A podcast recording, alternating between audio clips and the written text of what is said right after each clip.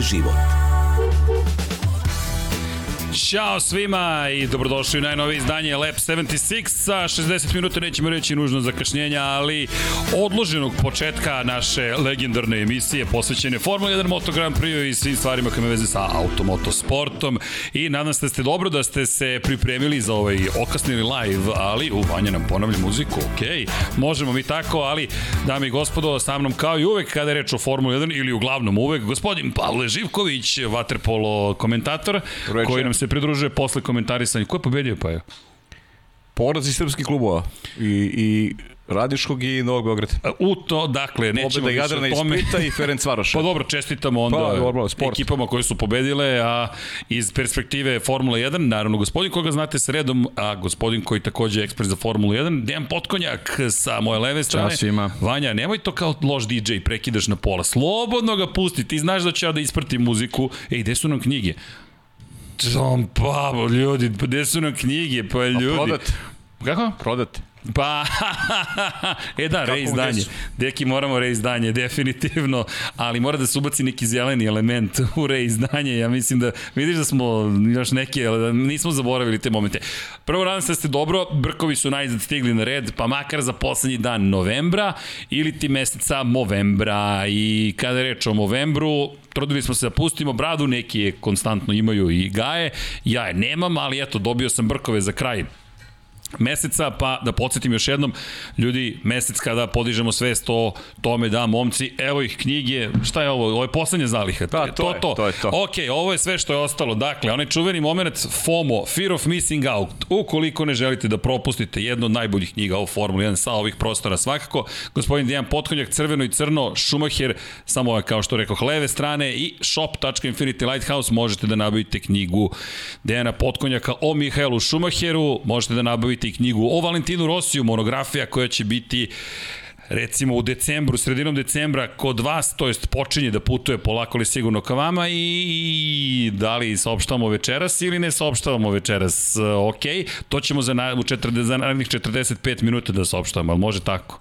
Ok, big reveal, večeras ćemo imati još nečemu što smo spremili za vas, tako da budite sa nama, ispratite šta se zbiva i imaćete nove informacije o tome šta je kuhinja Infinity Lighthouse pripremila. Ali da se vratimo onome čemu smo pričali, ljudi, proverite se rak testisa, rak prostate, to ono, prostate, to ono čemu pokušamo da podignemo svest da postoji, nažalost, i da ukoliko odemo na vreme na kontrolu, možda možemo da sprečimo najgore posledice. Ozbiljne su stvari u pitanju, pričamo o ozbiljnim stvarima i naravno trudimo se da podignemo svest o tome da jel treba voditi račun o sebi, a nadam se da ste vi dobro da se mazite i pazite, a ako ne, mazite se i pazite se i vozite računa jedni drugima, jer to je veoma važno, to je najvažnija stvar, ljubav konačno i eto, mi danas od 10 krećemo, malo kasnije, ali nadam se da ne znam, ili ima danas neko još neko takmičenje da sam propustio futbolu nešto, ne, znam, ne igra Liverpool, nisam u toku. ne igra Juventus. Ne. Juventus igra. Igra? Da.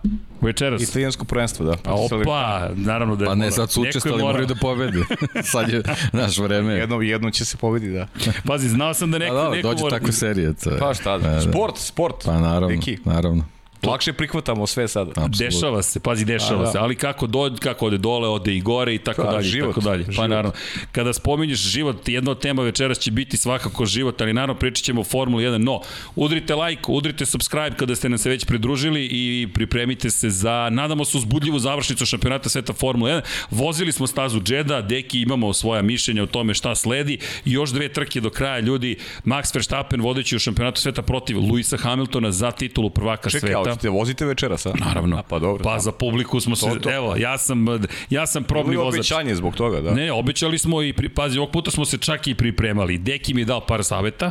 Opa. Moram, da, da, pričat ćemo o tome kako da napadneš krivine. Popravio sam vreme za celu sekundu, hvala Deki. Bilo je dobro, ima tu još par trikova. Nismo još ni ušli u podešavanje odnosa brzina i tako dalje. Znači, malo smo promenili More Ron Dennis da dođe da Mo, malo vidi. More da dođe, ro, ne, čekaj, čekaj, čekaj, čekaj, ti si trkački inženjer, ne, šef ekipe, šef, šef ekipe, ekipe u Franci, ne može, ali mislim da više Andreas Zajdl, moram ti priznati. Pedantniji mi je nekako Denisa. Šta ti kažeš, Deki?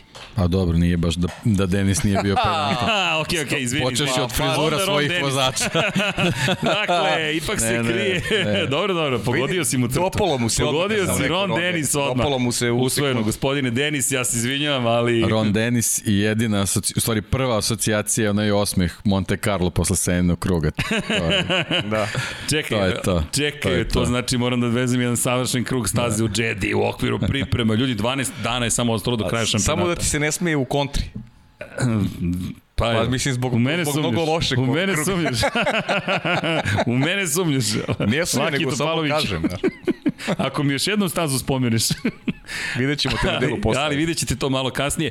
No, da, Džeda, 12 dana do kraja sezone, neverovatno ljudi, još samo dve trke i to je to. Znaćemo ko je šampion. Da li je prvi put u karijeri Max Verstappen ili je osmi put u svom životu šampion sveta Lewis Hamilton, osam puta, to je cela decenija. Ali, spomenu smo život, pričamo o tome da vodite računa jedno drugima da treba da se mazite i pazite, da treba da budete dobri, pošaljite 917, ne, ne, da li treba, ja se nadam da hoćete, mi mislimo da je to vredno, prosto vredno bivstvovanje na ovoj planeti. 917 na 30-30 ili 10-70, 11-78, oprostite na 30-30, Human 917, hum, Human 11-78, 4-5-5 ukoliko ste u Švajcarskoj, gde god da ste, možete da uradite nešto pozitivno. Ko za nas čini pozitivno i da, sada će onaj moment koji traje duže nego vožnja stazom Džeda, iako je dugačka 6000 i 148 metara, ako sam dobro zapamtio, a to su naravno naši pokrovitelji kojih ima 105 u ovom momentu. Ko želi može da se pridruži ovoj ekipi patreon.com kroz Infinity Lighthouse. Hvala vam, to je najmanje što možemo da kažemo. Rekoh, do kraja godine ćemo ovo da radimo. Kraj, još nije poslednji mesec, još nismo ušli u decembar. Mada, u narednih sati 54 minuta stići će i 1. decembar. Tako da, ko ostane sa nama, dočekao je novi mesec u 2021. sa ekipom Lab 76. Dakle, hvala. Ko je ekipa koja nas podržava i na ovaj način, mada nas svi nas podržavate? Sava, Toni Ruščić, Mario Vidović, Ivan Toškov, Stefan Durić, očekujemo dolazak Ivana Toškova, Marko Bogovac, Ozren Prpić, Marko Mostarac. Inače, poseban pozdrav za Marija Vidovića, poslao nam jednu lepu poruku. Mario, čitamo poruke, ne stižem ja uvijek da odgovorim, ali ekipa je tu i hvala na dirljivim rečima. Ako smo uradili nešto dobro, onda smo postigli cilj i hvala što ste nas obavestili o tome da smo nešto pametno uradili. Marko Mostarac i Nikola Grujičić, zatim Aleksa Vučić, Zoltan Mizej, Zoran Šalamun, Miloš Banduka, Laslo Boroš, Đorđe Radović, Ivan Simunović, Mihajlo Krgović, Nenad Ivić, Nikola Božinović, Monika Erceg, Omer Kovačević, Filip Banovački, Miroslav Vučinić, Predrag Simić, Žorž, Stefan Vidić, Mlađan Antić, Jelena Mak, Mladen Krstić, Marko Ćurčić, Milan Nešković, Ivan Maksimović, Bojan Mijatović, Petar Relić, Stefan Prijević, Nenad Simić, Luka Saović, Andrej Božo, Boris Gvozden, Boris Golubar, Zorana Vidić, Luka Manitašević, Ljubo Đurović, Borko Božunović, Đorđe Andrić, Aleksandar Gošić, Mirina Živković, Nemanja Miloradović, Miloš Vuletić, Daniel Kolobarić, Vukašin Vučenović, Ognjen Marinković, Miroslav Cvetić, Marina Mihajlović, Jelena Jeremić, Antonio Novak, Stefan Milošević, Nikola Stojanović, Jasenko Samarđić, Mihovil Stamičar, Stefan Nedeljković, Zoran Majdov, Josip Kovačić, zatim Lazar Pević, Benjamin A, Nemanja Jeremić, da žena ne sazna, čuvena da žena ne sazna, Boris Kujundžić, Tijana Vidanović, Stefan Ličin, Aleksandar Antonović, Dejan Vujović, Zatim Nemanja Zagorac, Đole Bronkos, Aleksa Jelić, Aca Vizla, Igor Vučković, Milan Ristić, Branko Bisački, Nenad Đorđević, Vukašin Jekić, Aleksandar M, Žarko Milić i Dejan Đokić plus 22 tajna pokrovitelja. Podsjeti me da promenimo i ovaj padež, tajnih tajna i to. U svakom slučaju, detalji, detalji, hvala vam i eto, ko želi da se pridruži, sjajno, nama ćete pomoći, a mi se nadamo da ćemo i dalje uspevati da vas što informišemo, što zabavimo i naravno nadam se ulepšamo dana. Još jednom pozdrav, poseban pozdrav za Marija koji je eto našao neke zanimljive stvari, recimo u Lab 76. Mario, hvala. I da polako li sigurno krenemo, pričali smo o životu i životnom krugu, iako je naša muzika stalno vesela, tema koju pokrećemo je inicirana nečim što nije nužno najlepša stvar, ali Vanja, hitit, zašto? Zato što mi želimo da pričamo o ljudima koji su ostavili dubok trag na najlepši mogući način i polako li sigurno krećemo. Insistiramo na ovome, Deki još od prošle godine, pa još od prošle godine, hej, prolaze godine, dve godine već postoji Lab 76, wow, ali dobro nam došli. Večeras ćemo pričati naravno o završnici šampionata sveta Formule 1, ali iako možda ne zvuči kao prikladna muzika, ja bih da proslavimo život jednog velikana Formule 1. Znate, pričamo o sponzorima, pričamo o uspesima, o tim najbržim krugovima, o pobedama, o tome ko će biti šampion. I onda kada razmislite, nekome je to san i neko živi taj život i neko iza sebe ostavi tako dubog trag da kada nas napusti šampionat sveta stane, jer pojenta tog šampionata sveta jeste bila da neko na kraju dođe do takvog vrha piramide kao što je došao veliki veličanstveni Frank Williams. Nažalost, napustio nas je možda i simbolično sezonu pošto je ekipa prodata, ali to je još jedan gubitak iz perspektive onih koji više nisu sa nama, međutim sa 79 godina nas je pustio, doživeo određenu starost u vrlo teškim uslovima, je živeo zdravstvenim još od polovine 80. godina prošlog veka, a uprko svemu tome osvajao titule, bio jedan od najboljih šefova timova i sa četvrte pozicije se njegova ekipa na neki način oprostila od šampionata Formula 1. Da, postoji Williams i dalje, ali ljudi, ja bih krenuo od Franka Williamsa. Još idemo u Saudijsku Arabiju, tu mnogo veza postoji. Prvi njegov sponsor, veliki su zapravo bili partneri Saudijske Arabije u vreme kad to, o tome se nije čak ni diskutovalo. I mislim da moramo prosto da, da pričamo o Franku Williamsu i ono što je ostavio iza nas, iza Ferrarija, iza McLarena, iza Mercedesa, najuspešnija ekipa koja ikada postojala, ekipa Williams Racinga. Ko će? Deki. Pa ajde, Deki, ajde. Deki. Pa, mislim, mogu da krenem možda da, potraje. pa neka ovaj, potraje, pazi, da. Frank to zaslužuje. Pa ne, definitivno jedna od, od osoba koje, čije se ime spomene, jedina asocijacija Formula 1 i obrnuto, tako da ovaj, zaista je postao sinonim sa svim, sa svim što je uradio i sa, i sa kao što si rekao, i titulama i, i raznoraznim dostignućima, pre svega zbog svoje posvećenosti i, i, ono, e, mladalačkog duha i energije koji je imao bukvalno tokom, tokom čitave svoje karijere, praktično tokom čitavog svog života koji je jednostavno bio vezan za trke, a posebno posebno za Formulu 1. Tako da ovaj ajde nastavit ćemo priču, mislim sada da da, da ovaj eto čisto pazi. iznesem svoj utisak, ali generalno stvarno ovaj jedna jedna od osoba koja što se mene tiče zaista ono je sinonim za za Formulu 1. A sigurno. Ne ne sumnjivo da da ja se slažem isto čovek koji je obeležio eru, epohu, pamtićemo ga po po šampionima koje on iznedrio, po, Jest.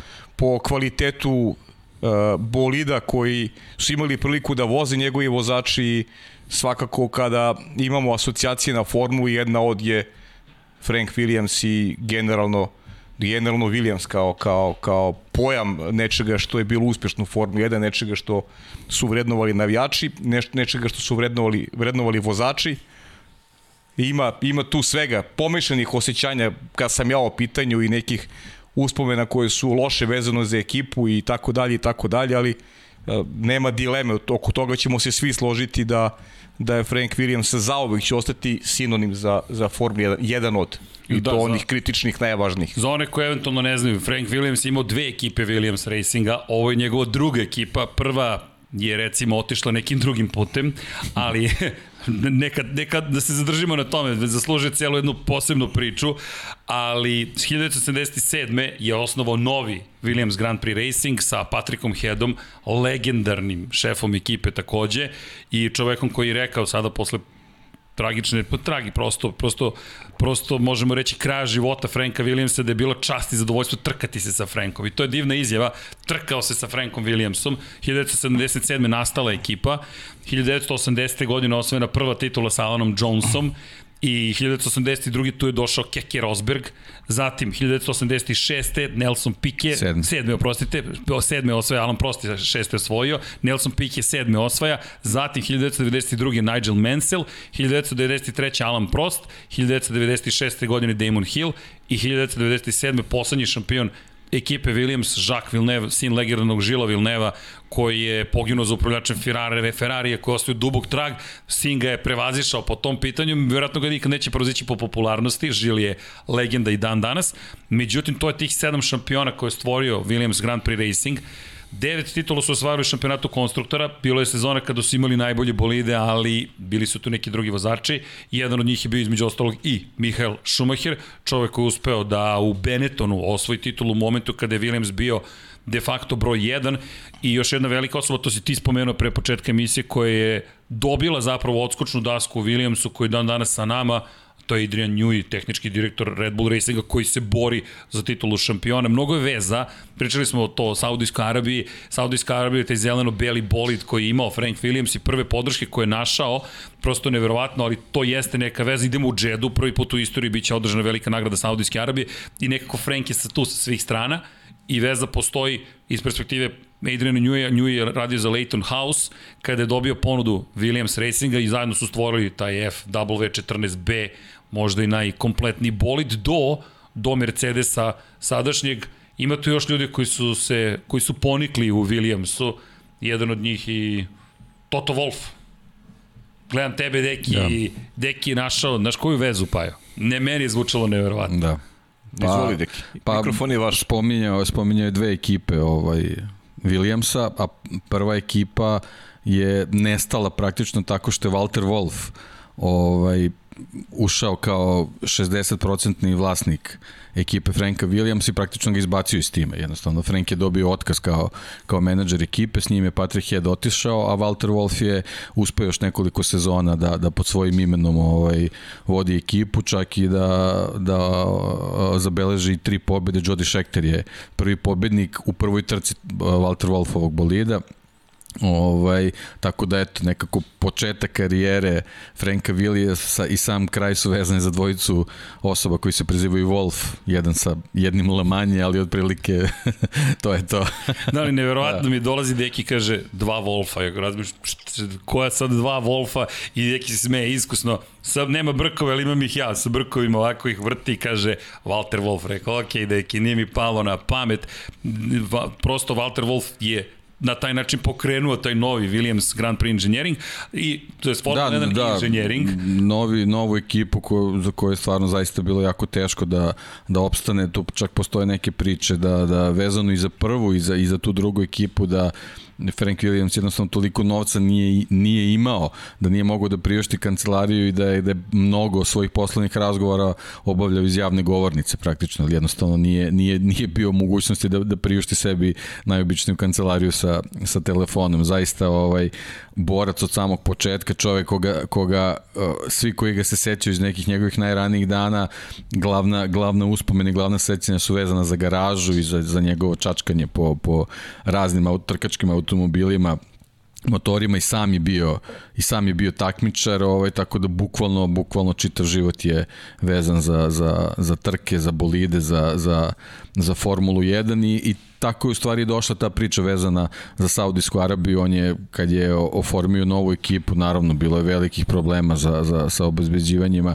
budžeta. Iz Franka Williamsa svi sećaju kao čoveka koji je bukvalno uh, trčao svaku, svaku stazu ala Srki što radi ovaj sad kad se da, pojavi negde pojavi. ovaj skupljuje skupljuje ne, određene svote novca naravno to je bio jako jako mala mali deo budžeta i on je u stvari napravio taj neki proboj ka, ka da kažemo tržištu, tržištu bliskog istoka napravio tu konekciju sa sa Saudicima, sa Saudijskom Arabijom kojima je trebala određena vrsta promocije, tako da se tu našla jedna aviokompanija Fly Saudija, našla se ovaj kompanija Al Bilad koja je bila vezana za lance ovaj hotela i Čekaj, i, i građevinske poslove, da, Al Bilad. Ne znam da smemo da izgovorimo. Pa zašto da ne? Al, kao, Al Bilad, Al Bilad je kompanija koju vodi otac Osame bin Ladena Muhammed uh, bin Laden, on je preminuo 1967. godine, Osamina braća su nastavila da, da vode tu priču, ali nije to priča nekoliko braća, pošto Muhamed imao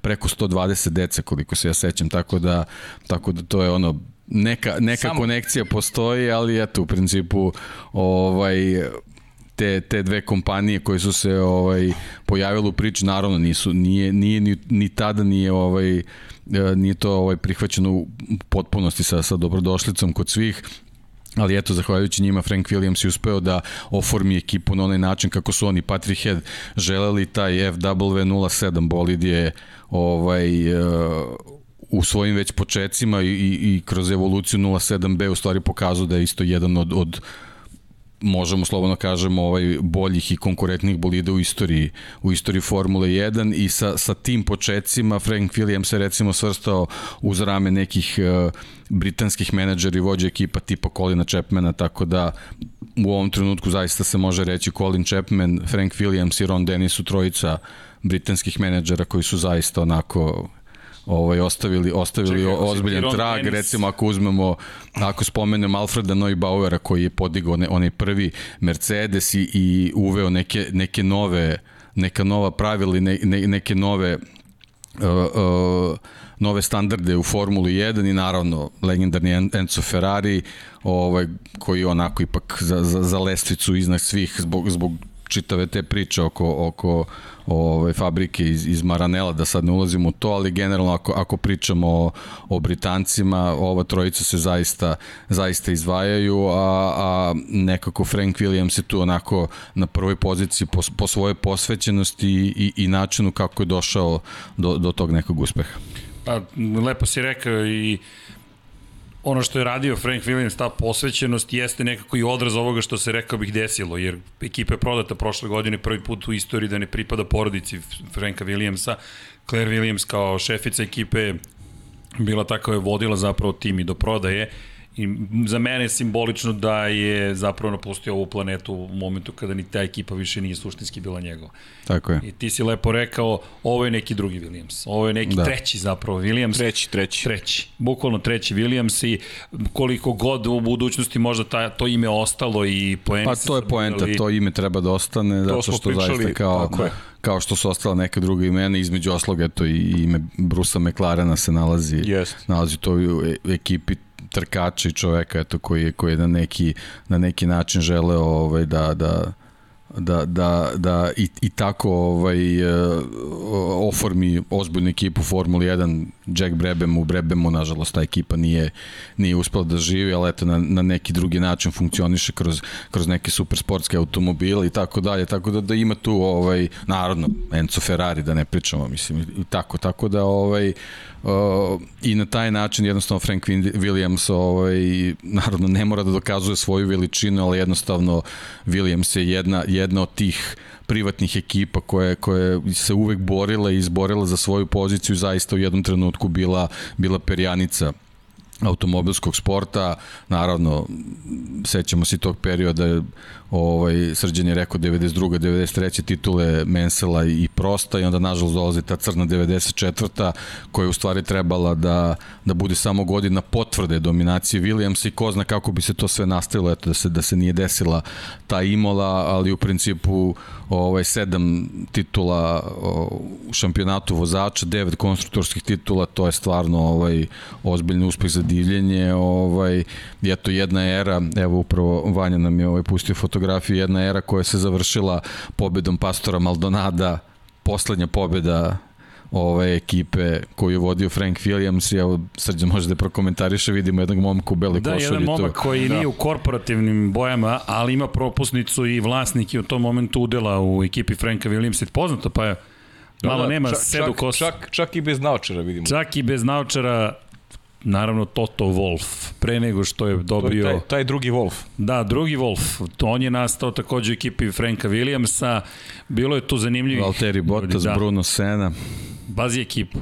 Da. Pastor Maldonado poslednji pobednik ekipe Williamsa dok je pripadala porodici Williams. Toliko možemo da kažemo. Da li će biti novih pobednika naredne godine Alex Albon i Nikola Latifi će predstaviti dalje ovu ekipu.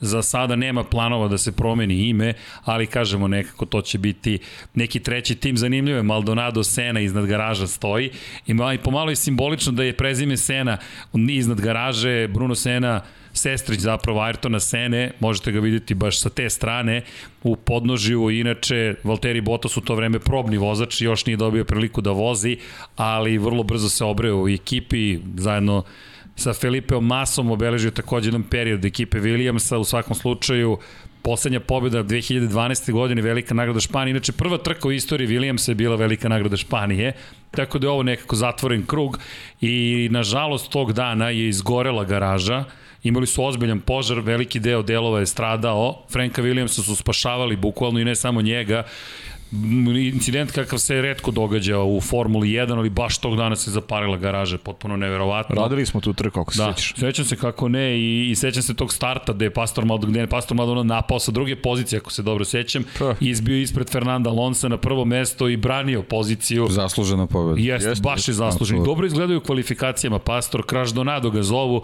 ali ajde da ga zovemo poslednji pobednik ekipe Williamsa. Za sad. Pa i Williams dobro izgleda, to je, to je možda bilo i poslednja godina kada su dobro izgledali. Da, pa 2000 eventualno 13. još 14. do nekle, ali 2012. je bila ona godina kad je svako mogao da pa iskoristi stvari, trenutak. Bilo je u stvari onaj period Bottas i Masi, da, uspevali da. su da se popne na neki podijum i to, to Prvi je... tim, izvini, tokom ere Mercedesa koji je uspeo da yes. osvoji pol poziciju, a da nije bio Mercedes Tako u Austriji 2014. godine. I tako, pamtimo Franka Williams. Frank Williams, da, da, bilo je, bilo je, da. bilo je period, eto ta, ta, da kažemo, prva dominacija 78. do 80. onda kasnije 86. i 87. Mislim, to su posebno ovaj, bitne godine. 86. se desila ta saobraćena nesreća posle koje je Frank Williams ostao paralizovan. U, ekipu, u, u ekipi su se našli Nelson Piquet i Nigel Mansell i zaista je te godine ekipa u potpunosti trebala da dominira. Uh, naravno, dva, dva ovaj vozača koji su koji su ovaj, bili pretendenti za, za titulu. Nažalost, upravo zbog te situacije zdravstvene Franka Williams 86. titule iz, izgubljene, praktično njih dvojica su jedan drugom oduzimali bodove tu nije bilo onih klasičnih timskih, timskih naređenja. Alan Prost iskoristio situaciju pa je, pa je došao do titula, međutim sledeće godine je Pique stigao do svoje, do svoje treće titule i, i u principu verovatno da, da, da, da se nije desila ta, ta nesreća Franka Williamsa, ta 86. je trebalo da bude godina u kojoj bi Williams krenuo još, u još jednu ozbiljniju dominaciju nego godinama kad, kad su vozili Alan Jones i, i Carlos Reutemann, njega smo takođe izgubili ove godine Da. I on je preminuo.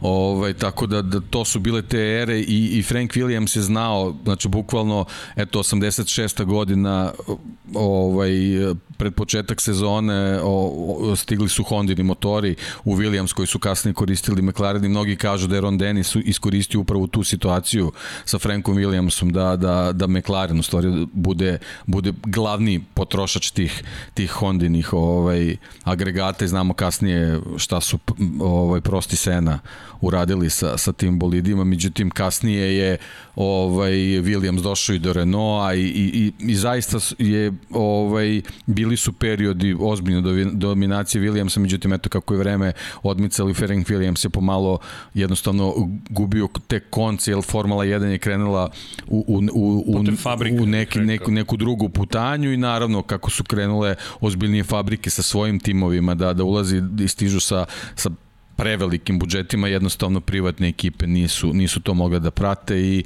i to je Frank Williams naravno sa godinama polako pa to su... polako gubio da tu, tu, tu neku svoju moć, međutim jednostavno nema, nema šta da, da, da, da se zameri tom, tom putu te, te ekipe, ali jednostavno zaista, kažem još jednom, sedam vozačkih i devet konstruktorskih titula je nešto što, što svaka privatna ekipa može samo da sanje. Inače, Williams je imao učešće i u drugim takmičenjima. On je imao veze i sa B grupom, nemojmo to zaboraviti, čovjek koji je učestvovao bukvalno i u razvoju MG Metroa. Svašta je radio Williams. Williams je baš volio trkanje. I, i, i to ono što je zanimljivo, sama fabrika tako nastajala da su delovi zapravo fabrici pripajani koje su pravile druge fabrike koje su sarađivale sa Williamsom i tako rastao Grand Prix Engineering. Inače kompanija koja se i kotira na berzi Frankfurtskoj, inače kompanija koja proizvodi i vrlo ozbiljne sisteme za zapravo sto, skladištenje energije. Pa Williams i... je učestvovao u izradi prvog bolida Formula E između ostalog. Tako, tako da, da ozbilj, ozbiljan je njihov ovaj, uticaj na, na, da kažemo, svet modernih trka, bez obzira što, eto, u nekom periodu možda nisu bili konkurentni na stazi, vrlo, vrlo su ovaj, uticajni u tom svetu i, i na tom polju. Da, i meni je zanimljivo jedna od informacija koju nisam znao, ali sad čitajući o Franku Williamsu u Sebringu kada su odneli pobedu praktično u prvoj trci i to je oni čuveni moment kada su razvili E12 LMR i oni su učestvovali bukvalno u razvoju šasije za sport sportske automobile i učešće nije bilo ograničeno samo na Formulu 1, neka malo drugačija vremena koja se polako nekako vraćaju iz jedne perspektive, ali svakako ja to uspomenu na Franka Williamsa i nekoga koga mi smatramo prosto, pa možemo reći, ako ne kamenem temeljcem, svako je jednim od stubova zapravo absolut, moderne Formule absolut, 1. Absolut. To su stubovi bukvalno bili i prepustio nam je i svoju ekipu i ono što je njegovo nasledđe, tako da iskreno veliki je ovo trenutak, Naravno, nikada nije lepo kada se opraštate od nekoga trajno, ali rekao bih da ne možemo trajno se oprostiti od Franka Williamsa. Živi prosto tim, živi uspomena ono što je postigao, pa konačno i kroz šampione, kroz konstruktorske titule, kroz bolid taj FW14B, nažalost i kroz tragediju sa Ayrtonom Senom, pa, to dobro, su sve, to, to je pa period. to sve deo života. Pa da, deo života, ja sad iskreno, ja daš kad imaš navijačke strasti, ja sam malo kroz tu prizmu i gledao. To je ono što pričamo, što kaže, što mogu da razumem. Navijači sada Feštapena i Hamiltona kako reaguju, ja sam tako reagovao, imao sam taj negativan gard prema, prema Franku Williamsu, znamo da je bio i na sudu uh, zbog uh, da, da, nemara. se desilo u Italiji. Tako je, da, što se desilo da. u Italiji i da je Arton Sena se žalio na taj bolid i pre nesreće da je onako bežao, pa ne, to, bežao to, u stranu. Pričali i... smo već o tome, to Tako više je. nije bio bolid iz 92. i 3. Nije. jednostavno aktivno gibljenje sklonena, ta elektronika je nestala, jednostavno sve ono što je Adrian Newey u, u prethodnim sezonama uradilo jednostavno je preko, preko zime praktično izbrisano gumicom i Ayrton Senna je seo u automobil koji jednostavno nije bio upravljiv i To je eto, to. Iz, iz, iz nekih stvari koje, koje smo mogli da čujemo i da, da kažemo, saznamo, naravno ne, ne, ne može niko da, da tvrdi sa sigurnošću je tako bilo, jednostavno urađene su neke prepravke na upravljačkom sistemu da bi on jednostavno bio konforniji u tom automobilu i da bi ga Iole mogao voziti na način kako, kako je on to želeo, a to nažalost to se nije ovaj nije pokazalo kao ispravno i, i to je u stvari da kažemo i, i, i najveće mrljaju u karijeri Franka Williamsa i Patrika Heda i Adrena Njuja u odnosu na sve ostalo koje je bilo sve ostalo što je bilo zaista briljantno. Tako da eto tako ćemo tako ćemo pamtiti tu 94. kad je kad je ovaj situacija vezana za ekipu Franka Williams i generalno taj šok koji su, koji su i oni doživjeli, bez obzira što se i na kraju te sezone sa Damonom Hillom borili do posljednje trke za šampionsku titulu sa Mihajlom Schumacherom. U svakom slučaju slava mu i mi ga pamtimo i Frank Williams živi kao što smo rekli, vidjet ćemo i da li će se ekipe na neki način i oprostiti sa, od Franka Williamsa. Ovde imamo A, knjigu Nigela. Mansell, pa 100%, pogotovo Williams tim, Nigel Mansell koji će ostati zapamtiti kao jedan od tih sedam šampiona ekipe Franka Williamsa u, u nekim od najčuvenijih bolida. I Silverstone da, Madness čuveni tako je. iz 92. Da. tako je. Tako da Frank Williams je i dalje sa nama, ali činjenica da smo hteli da odvojimo vreme, da se malo podsjetimo. Možemo da pričamo još dva sata o Franku Williamsu, šta je sve postigao, u čemu je sve učestvovao. Međutim, takođe nas čeka velika, veličanstvena završnica, dve trke kao što smo rekli do kraja.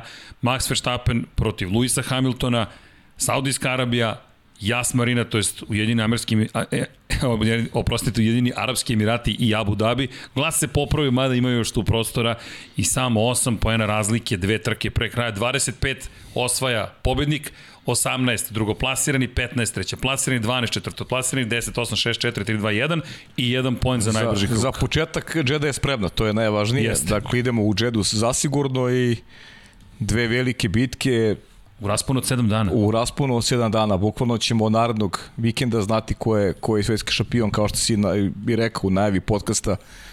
Šta reći, mislim, Pazi, ko, ko, ko ima prednost, ko nema prednost, šta se dešava, šta se desilo u pauzi između dve nedelje, tamo aj do petka, vidjet ćemo da li da li te neke spekulacije koje se bave, bavit ćemo se malo i njima naravno, to Naravno. tokom mog podcasta, svašta se priča, ali mislim da, da nećemo znati šampiona do, do Abu Dhabi. Devet pobjeda za Maxa Verstappena, ima više pobjeda ove godine da, sedam nego Lewis. poena prednosti u odnosu na Hamiltona, sedam ih ima Lewis Hamilton, s druge strane u poslednje četiri trke dvostruke pobjede njih dvojice. Dva triumfa Verstappena, dva druga mesta Luisa Hamiltona, dve pobjede Luisa I, Hamiltona, I to je ta klackavica, kad god pomisliš da jedan vozač uvodi sezonu u neki ritam koji želi sa, sa vezanim triumfima, onda se pojavlja ovaj drugi. I to je neki, da kažem, e, onako utisak sezone, kako su razmenjivali udarce u momentima kada, kada je rival delovao sposobnije, kvalitetnije na stazi. i valjda i pokazatelj neki o kakvim vozačima se radi i, i da smo svedoci jedne, jedne epske sezone u, u ovom šampionatu.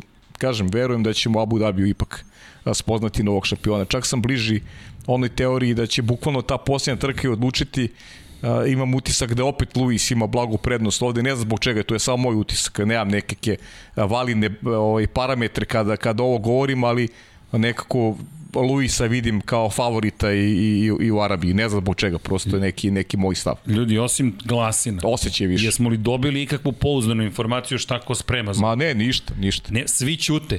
Dakle, potpuni embargo, niko ne razgovara ni sa kim, osim što se Toto Wolf oglasio i rekao da je ovo najspremniji, da je ovaj trenutak, trenutak u kojem je bolid najspremniji ove sezone, ali to morate da kažete, a i očigledno je kako ide Mercedes, Džeda, vidjet ćete malo kasnije, 27 krivina. Vanja, jel imamo grafiku? Jel uspeo Bogdan? Jao, gledajte ovo. Dakle, imamo grafiku, brate pažnju na stazu. Za one na audio platformama pokušat ćemo da opišemo. Liči na neki istopljeni nož za puter, otprilike. Mene da asocira na to, to sam mi prošli put rekao. Ljudi, pogledajte ovo. 27 krivina. Bog ponovit ću još jednom, 27 krivina, 6174 metra dugačka staza, 50 krugova će biti voženo, očekuje se prosečna da brzina da bude preko 250 km na čas, dakle brža od Monce, kraljice brzine, 3 DRS zone, Prva će biti između krivina 20 i 22, druga će biti između krivine 24 i 27 i treća će biti na startno ciljnom pravcu, dakle 3 DRS zone. Ako smo hteli brzinu, ovde ćete dobiti bukvalno na svakom koraku, mada me neće iznenaditi ukoliko smanje broj DRS zona, vidjet ćete nešto i kasnije zašto o tome pričamo, jedna relativno uska staza, oivičena zidovima, ulična pista, iako brzine ne govore u prilog tome i deluje kao zapravo promocija grada Džede i Saudijske Arabije iz perspektive vozača Deki, tvoj komentar posle simulacije, vidjet ćete posle F1 2021, možemo i sad čak da odvezemo da vidite krug. A malo Dobro, kasnije. da, možemo Kako kasnije, god, kasnije, da, da, bolje da. kasnije. Ajde, Ljudi, malo pričamo. ovo je mnogo brzo. Ovo je mnogo brzo oduvaše me sa, sa, sa, sa staze, ja, ja kao klasičan vozač želim na pistu Ne, ne, što pa pre. hoćeš Šalim se, naravno, šalim se, ali ne, ne, malo da- malo da Ali pričamo ljudi, ovo je zastrašujuća pista. Deki, utisak je naš, vidjet ćeš pa, mi smo je vozili, Okej. da je dobra samo za vožnju kad si sam na stazi.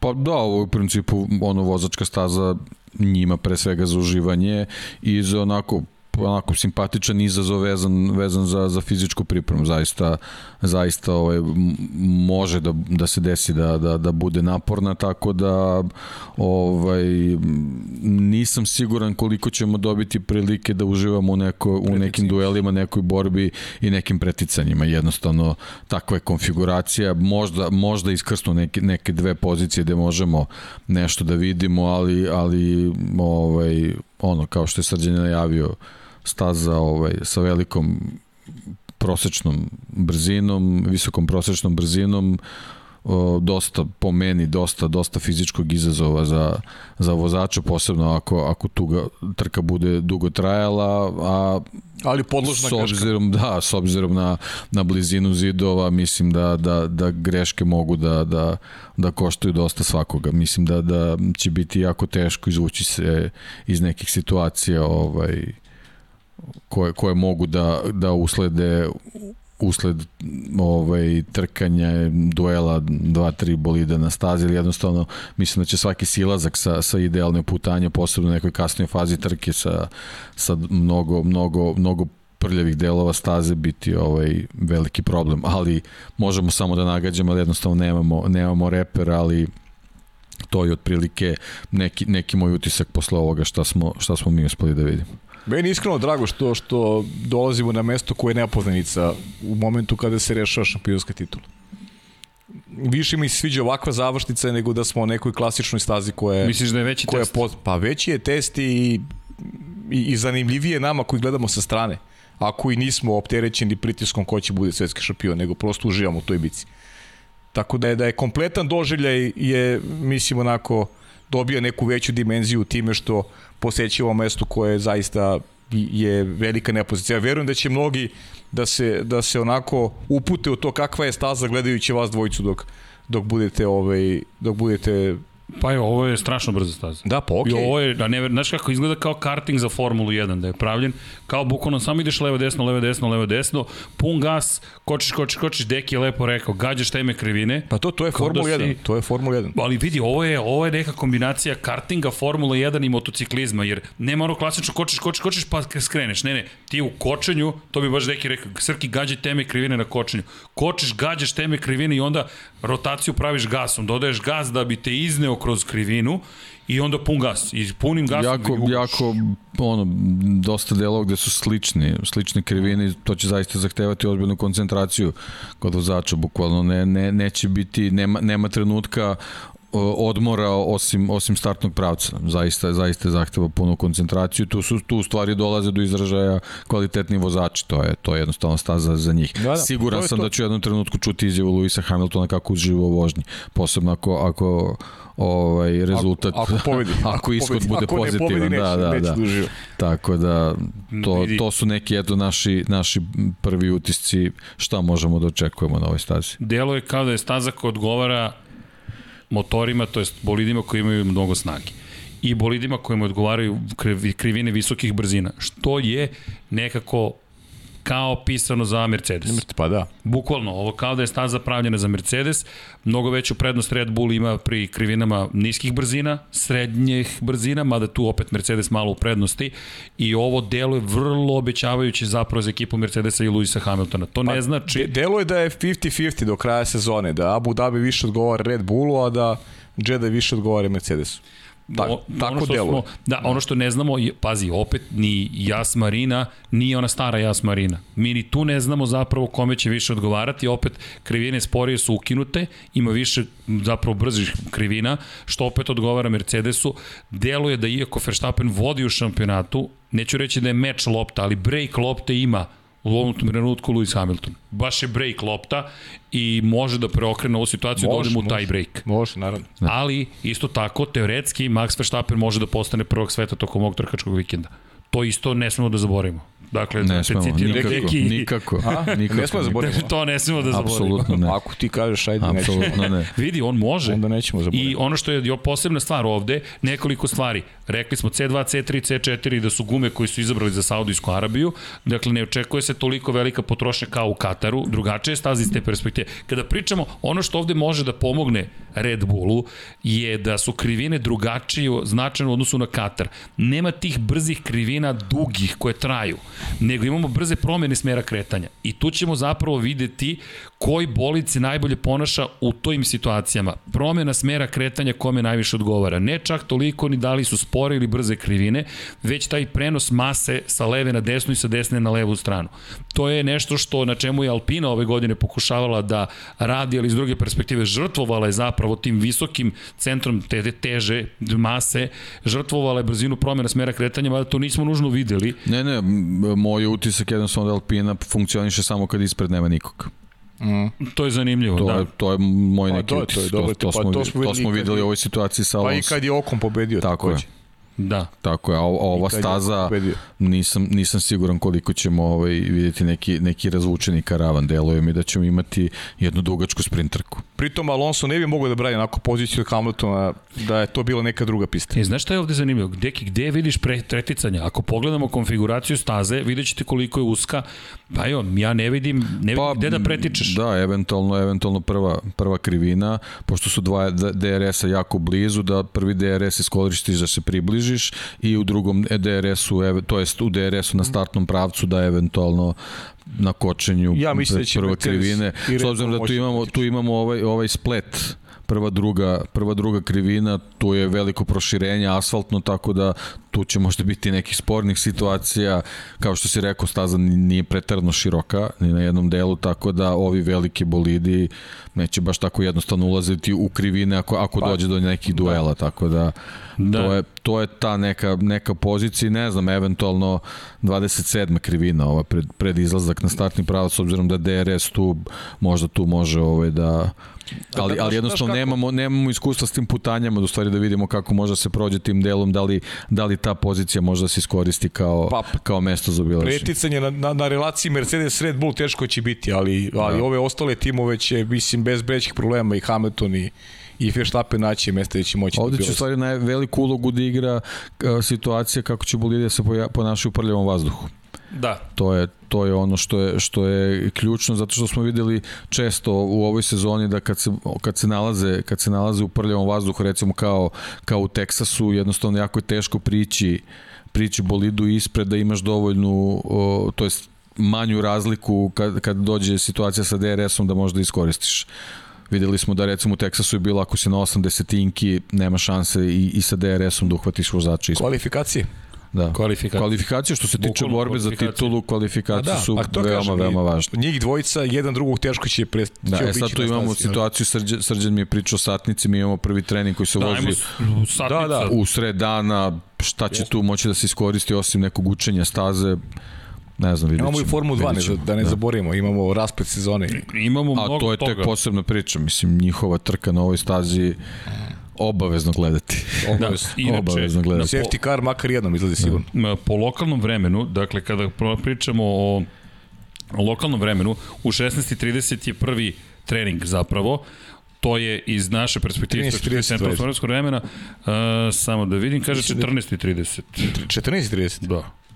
Dva sata razlika, a? Da, kaže 14.30. Ok, dobro. Moram ja sam, uh, ajde da proverimo još jednom, ali 14.30 kaže da je, da je zapravo po centralno-evropskoj vremenskoj zoni i zalazak sunca je u 17.40 po lokalnom vremenu. Dakle, sat i 10 minuta pre zalaska sunca će početi trening, završit će se 10 minuta pre nego što sunce zađe. Imaćemo one tipične scene koje imamo i u Jas Marini zapravo, da. gde zalazi sunce, samo što neće biti sredinom trke.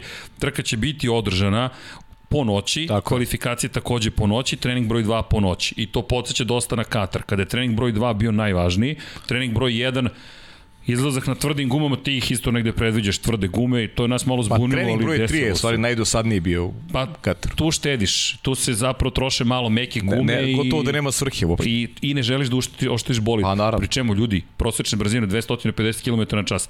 Jedna greška u treningu, vaš tim, klasična pa, fizika. Gotovo, pa, MV na kvadrat kroz 2, kinetička energija, ukoliko udarite u zid, bukvalno pa je gotovo. gotovo. I, naravno, to će sada uticati u kvalifikacijama na to u kom momentu je ko izašao na stazu, ko je u kom momentu zabeležio dobro vreme, lako može da se pogreši i još jedan bitan moment u celoj priči, naravno sama trka, u kom trenutku zapravo da li, i da li izlazi vozilo bezbednosti. Znaš kako, bilo je, bilo je davno, ali a, a, zbog, zbog korone, ali ko može da se, da se priseti recimo drugog sektora u Australiji?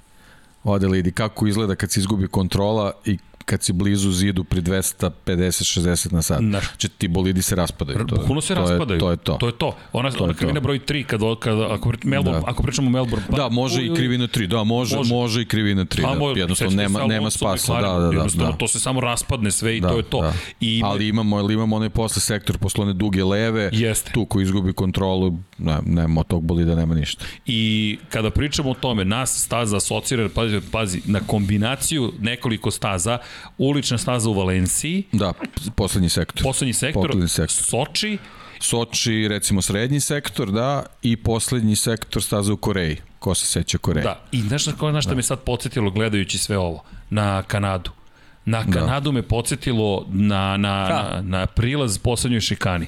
Jer to je to zidovi, uzak prostor DRS, pa da vidimo gde ćeš, a zanimljivo, iako se tamo ne vozi, vozilo se Formula 1 i Moto Grand Prix, Ricardo Tormova, poslednja krivina, to je, to je zapravo pre, pretposlednja krivina na Ricardo Tormov, 25-6, ako pogledamo ovo kao kašika što ide, jednostavno, ako pogledamo na, na, baš na, na, na grafici, 25-26 ćete vidjeti kako ide, tu to je ovaj prilaz i možemo i Brembo da pustimo vanja da savršeno iskoristimo jer ulazak u 27. krivinu je zapravo najsnažnija tačka kočenja koju imamo na ovoj stazi. Hvala Brembo još jednom. Obratite pažnju dakle, na, na najsnažniju tačku kočenja. Ti čuješ, Vanja, ja je nečem. Kride, muzika, nadam se da vi sad čujete. Sad. Evo je Džeda, Saudijska Arabija. Dakle, opet smo pokraj jedne velike vodene površine, 6074 metra, 50 krugova. Videli ste da je srednje opterećenje i kočenog sistema i temperature koje se dosežu. Ovo je sedma zapravo, imamo šest kočenih zona, sedam ozbiljnih, ovo je šesta koju ističu, to mi je malo bilo čudno za Brembo kada su napisali, ali držimo se onoga što piše i pogledajte ovo, prilaz sa preko 300 km na čas, 127 metara zaustavni put, negativno ubrzanje, maksimalno očekuje se da bude 4,3 sile zemljine teže, 110 km na čas, prolazak kroz ovu ukosnicu, 207 Hvataš teme. Da, da, da, hvataš teme, pogledaj. ne, ne, Deki je rekao, hvataj teme, Srki rekao. Ko je rekao? Deki. Deki. Deki, Ron Dennis. Ron, Ron je rekao, Ron, i to je to. Dakle, još ne znamo koliko energije će biti oslobođeno, to jest regenerisano, ali Brembo nam pomaže da se još bolje... Da, ovo je po nekoj simulaciji, verovatno Pazi, uređeno, da. ali simulacija kao da si ti vozio, to je davo instrukcije. Samo mi se deki, pa evo slučajnica, Srki, gađaj teme, važi Gađaj teme. šefe, gađamo teme krivine. Bilo je, bilo je, stvarno je bilo zabavno i moram ti predstaviti da je bilo super. A ti uzo kamen i, i Ne, gađao. najgori moment. Ja dogovaram se s Dekim i dogovaramo se za 9 uveče i Deki dolazi na vreme za 9 uveče. Pa smo to iskoristili zapravo za... Za veš- Deki i za za- vozimo. ma ne, ne. Eskeze Muad. Ne, ne, ti, ne, eskeze, ne. eskeze moi. I pita me Don Pablo, "A, ti si rekao naravno Dejanu da je u 22. E, piše na Slacku. to je bilo, bilo je moje vađenje iz cele situacije, jer kao Deki uzbudljivo je Saudijska Arabija, Williams, ludilo, imamo o čemu da pričamo i Deki koji kulturno naravno dolazi kao uvek ne na vreme, nego mnogo pre vremena.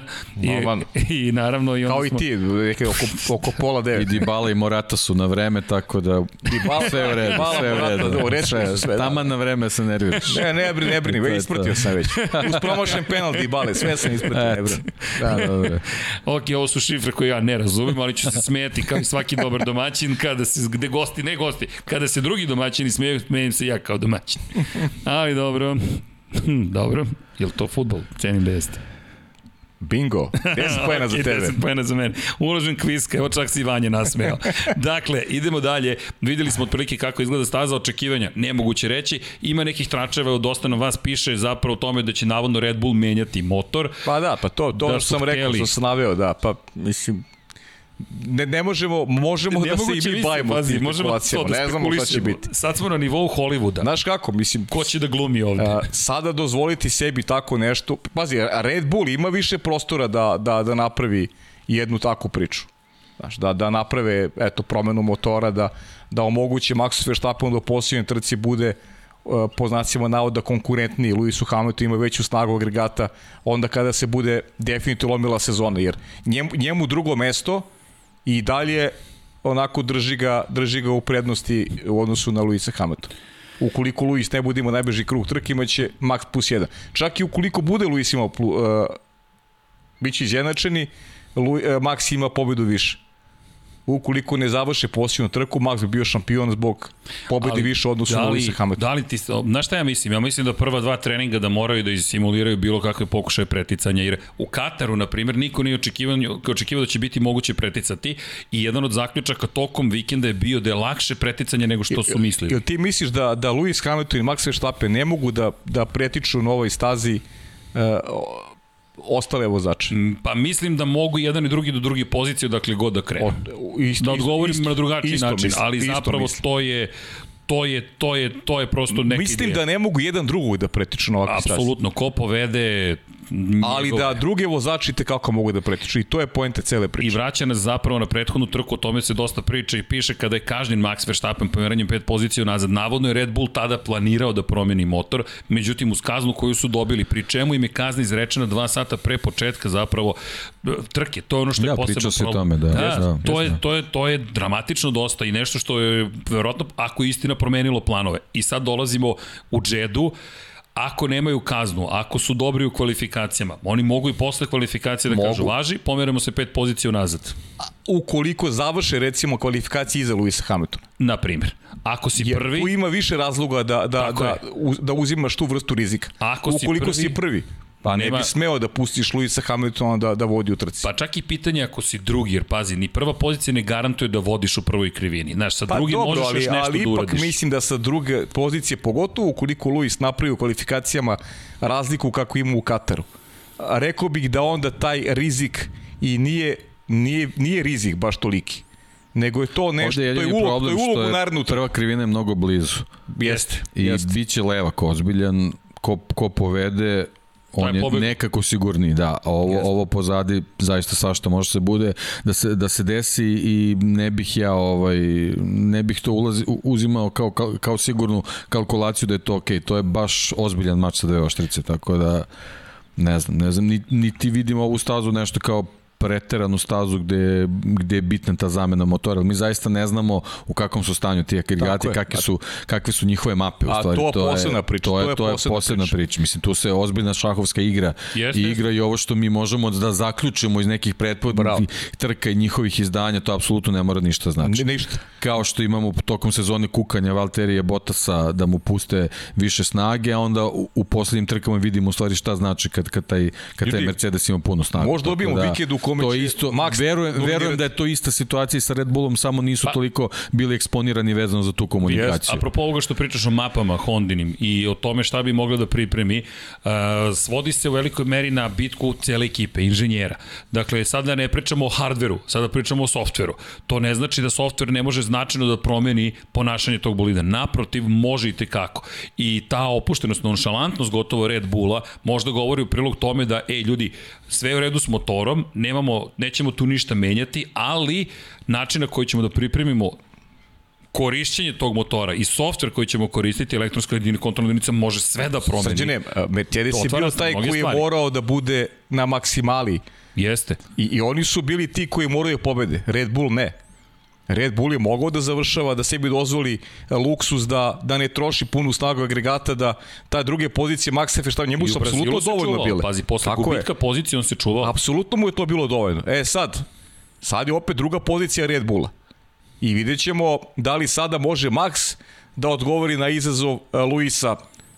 Prosto su se smenjivali u situacijama kada je jednom i drugom, kada je trebalo da budu dobri, to su uspevali ili ti, kada je ovaj drugi mogao sebi dozvoli luksus da, da pa, ajde žargonski rečeno papučicu gasa malo popusti, to je radio. Obojca su sjajni vozači, o, o, veliki su timovi i mislim da to, u tome se i krije draž cele sezone, što mi ne znamo ništa šta nas čeka za vikend. E, ne, apsolutno ne znamo, ali možemo da se bavimo nekim Možemo, naravno, pa mi se bavimo na osnovu prognozama, to je za materijala koji imamo. Ja, se, ja sam se, ja sam se izjasnio prvi. A materijale malo. Da, materijale malo. ali mašta je bogata. Yes. Ja sam izjasnio prvi, ja sam, ja sam tipovo na Luis. Evo, ja tipujem na Luis. Za pobedu. Za pobedu u trci, tipuje na Maxa za osvajanje titule. Ali na, na, na Luisa tipujem u ovoj trci. Prognoze, prognoze. Deki, imaš ti neku Pa dobro, ja ću čisto bude zanimljivo da obrnem. To, to ništa, ne, ne bih imao sad neki specijalan razlog, ali eto, ono kao čisto da, da, da. A sve čaći ti kažeš, Leclerc, verujem. Da, da, da ne, Ferrari mi je na pobedničkom postolju. Pa ne, treći, znao sam. Mislim, treći okay. mi je na pobedničkom postolju Ferrari, ali ne može da pobedi. Ovo, ovo su se Verstappen i Hamilton, nemož. osim ukoliko, što nije nemogući incident, neki ne reši stvari drugačije. I apropo, idem na Verstappen, Hamilton, Ferrari, neki Ferrari. Sad, da li će biti Leclerc ili će biti Sainz, ne znam, ali Ferrari mi se javlja javlja mi se na pobedničkom postolju. Mislim da će biti... Gerhard Berger sigurno neće biti. Pa, Gerhard Berger teško, vrlo, vrlo teško, ali okej. Okay. Ali Ferrari mislim da može da odigra zanimljivu ulogu, pogotovo što imamo dva faktora koje, o kojima stalno pričamo, a to su vozači broj 2 i naravno strategija, to je po mom mišljenju, strategija za virtualno vozilo bezbednosti i vozilo bezbednosti. Jer ovde To početak, će biti sigurno. Pazi šta, na šta mene zanima, pošto je staza, ne znamo još kakvom je stanju asfalt, to niko još uvek ne zna pouzdano. I naravno sada dosta se pravi tekstova i o tome kako se pripremaju gume, taj, taj, taj, ta čuveni prosto čuvena mašina, laserski senzor koji se vuče po stazi i koji beleži zapravo informacije o dubini e, zapravo prostora između delova asfalta to smo u Kataru mogli da vidimo, to i Alpinin inženjeri rade, to rade Pirellijevi inženjeri, svi skupljaju te podatke. Inače, ako se pitate kako je Codemasters napravio ovo što je napravio, lasersko skeniranje uglavnom pomaže, mape, satelitske mape nije nikada savršena simulacija, uvek postoje neke razlike, ali je dosta dobro. Elem, iz te perspektive mi još uvek ne znamo mnogo toga. I sad, ukoliko, pada mi na pamet zapravo Niko Rosberg iz Rusije iz 2000 15. 16. možda čak i 14. Ako na početku čak bude karambol i virtualno vozilo bezbednosti bude aktivno ili vozilo bezbednosti, da li će neko odmah na početku promeniti gume i reći jedne tvrde gume posle prvog kruga, pa imamo 50 krugova i ako gledamo kako će biti, opteri, kako će biti opterećenje guma, ni tu nismo 100% sigurni, malo je snažnih kočenja, srednjeg intenziteta opterećenje, dakle prednje gume se neće toliko trošiti, zadnje gume ne vidim čak ni tu neku ogromnu potrošnju zašto. Malo je tih dugih krivina, najviše će se u 25. i 26. trošiti, dosta promjena smera kretanja i sad ostaje pitanje ivičnjaka i naravno da ne zakačite zid. Tako da, to Sam, su, samo to. Samo to. E, ali mislim da će ta strategija biti vrlo zanimljiva, da će to biti jedna od najvažnijih strategija koju će imati timovi i naravno dolazimo do Serhija Pereza u drugom Red Bullu i Valterija Bottasa u drugom Mercedesu, što mislim, je tek mislim da će, lutrija. Mislim da će kritični biti, čini mi se, virtualno vozilo bezbednosti i vozilo bezbednosti. Da će na ovoj stazi tu igrati vrlo važnu ulogu, jer pa prosto ne mogu da verujem da će trka na, na nepoznatoj teritoriji, nepoznatoj stazi, da će trka proći bez, uh, bez nekog incidenta tog tipa. I taj neki, pazi, uz neizbežni tajming. Tajming Kome će se posreći? Tajming je generalno u životu kritična stavka. Eto, taj duel Valtteri Ali, Bottas, a, Sergio znaš kako, Perez. kad, kad to spominješ, uh, moramo da spomenemo i da razmišljamo o, o vožnji na limitu, a ona se dešava u kvalifikacijama. Tako da neka žuta zastava, dupla žuta zastava ili tako nešto kao što smo već imali, I, bravo, može ozbiljno da, po, da promeni startni poredak. Tako, i to je tačno. I to je tačno. Ovaj, to je nešto čemu zaista moramo da razmišljamo zato što Ne smemo da zaboravimo. ne smemo da zaboravimo kad, kad su te, Nipošto. kad je ta vrsta vožnje na limitu u pitanju, tako da Hvala Vanja. Hvala Vanja. Ha, Vanja. Hvala, Vanja. Koliko mi posedala brada, čoče. Kad je ovo primetio? bilo? Da, Ne, Vanja kao ga joj, možda bolje da te fotografišemo danas. da, možda. Vrati Vanja sad, da vidimo. Vrati, va, a? Far, Čoveče, far, farbaš bradu, farbaš bradu. A? Vidi, to su to je Farba znak, se sama izgleda. to je znak zrelosti, Da, da, tako, tako? da je sve okej. Hvala Da. ti. Ti si kao Mercedes, vraćaš se srebrnim bojama. da, da, da. Ti si pratio Mercedesovu modu i sad ideš nazad, pošto od sledeće godine će navodno ponovo biti srebrni. Da, da. Tako da sve je to okej, vidi, sasvim u redu. Elem, da A se čekaj, mi... ne da. da. komputari se, u, u civilki je neki. Jeste, Da. ne bez uniforme mi je. Da, da. e, imamo mi belu uniformu. Dobro, tek sam sad primetio, znaš. E, ti ja nismo, ti i ja Pa, smo školski uniform, školarci. Pa, bre, vidi. pravi školarci.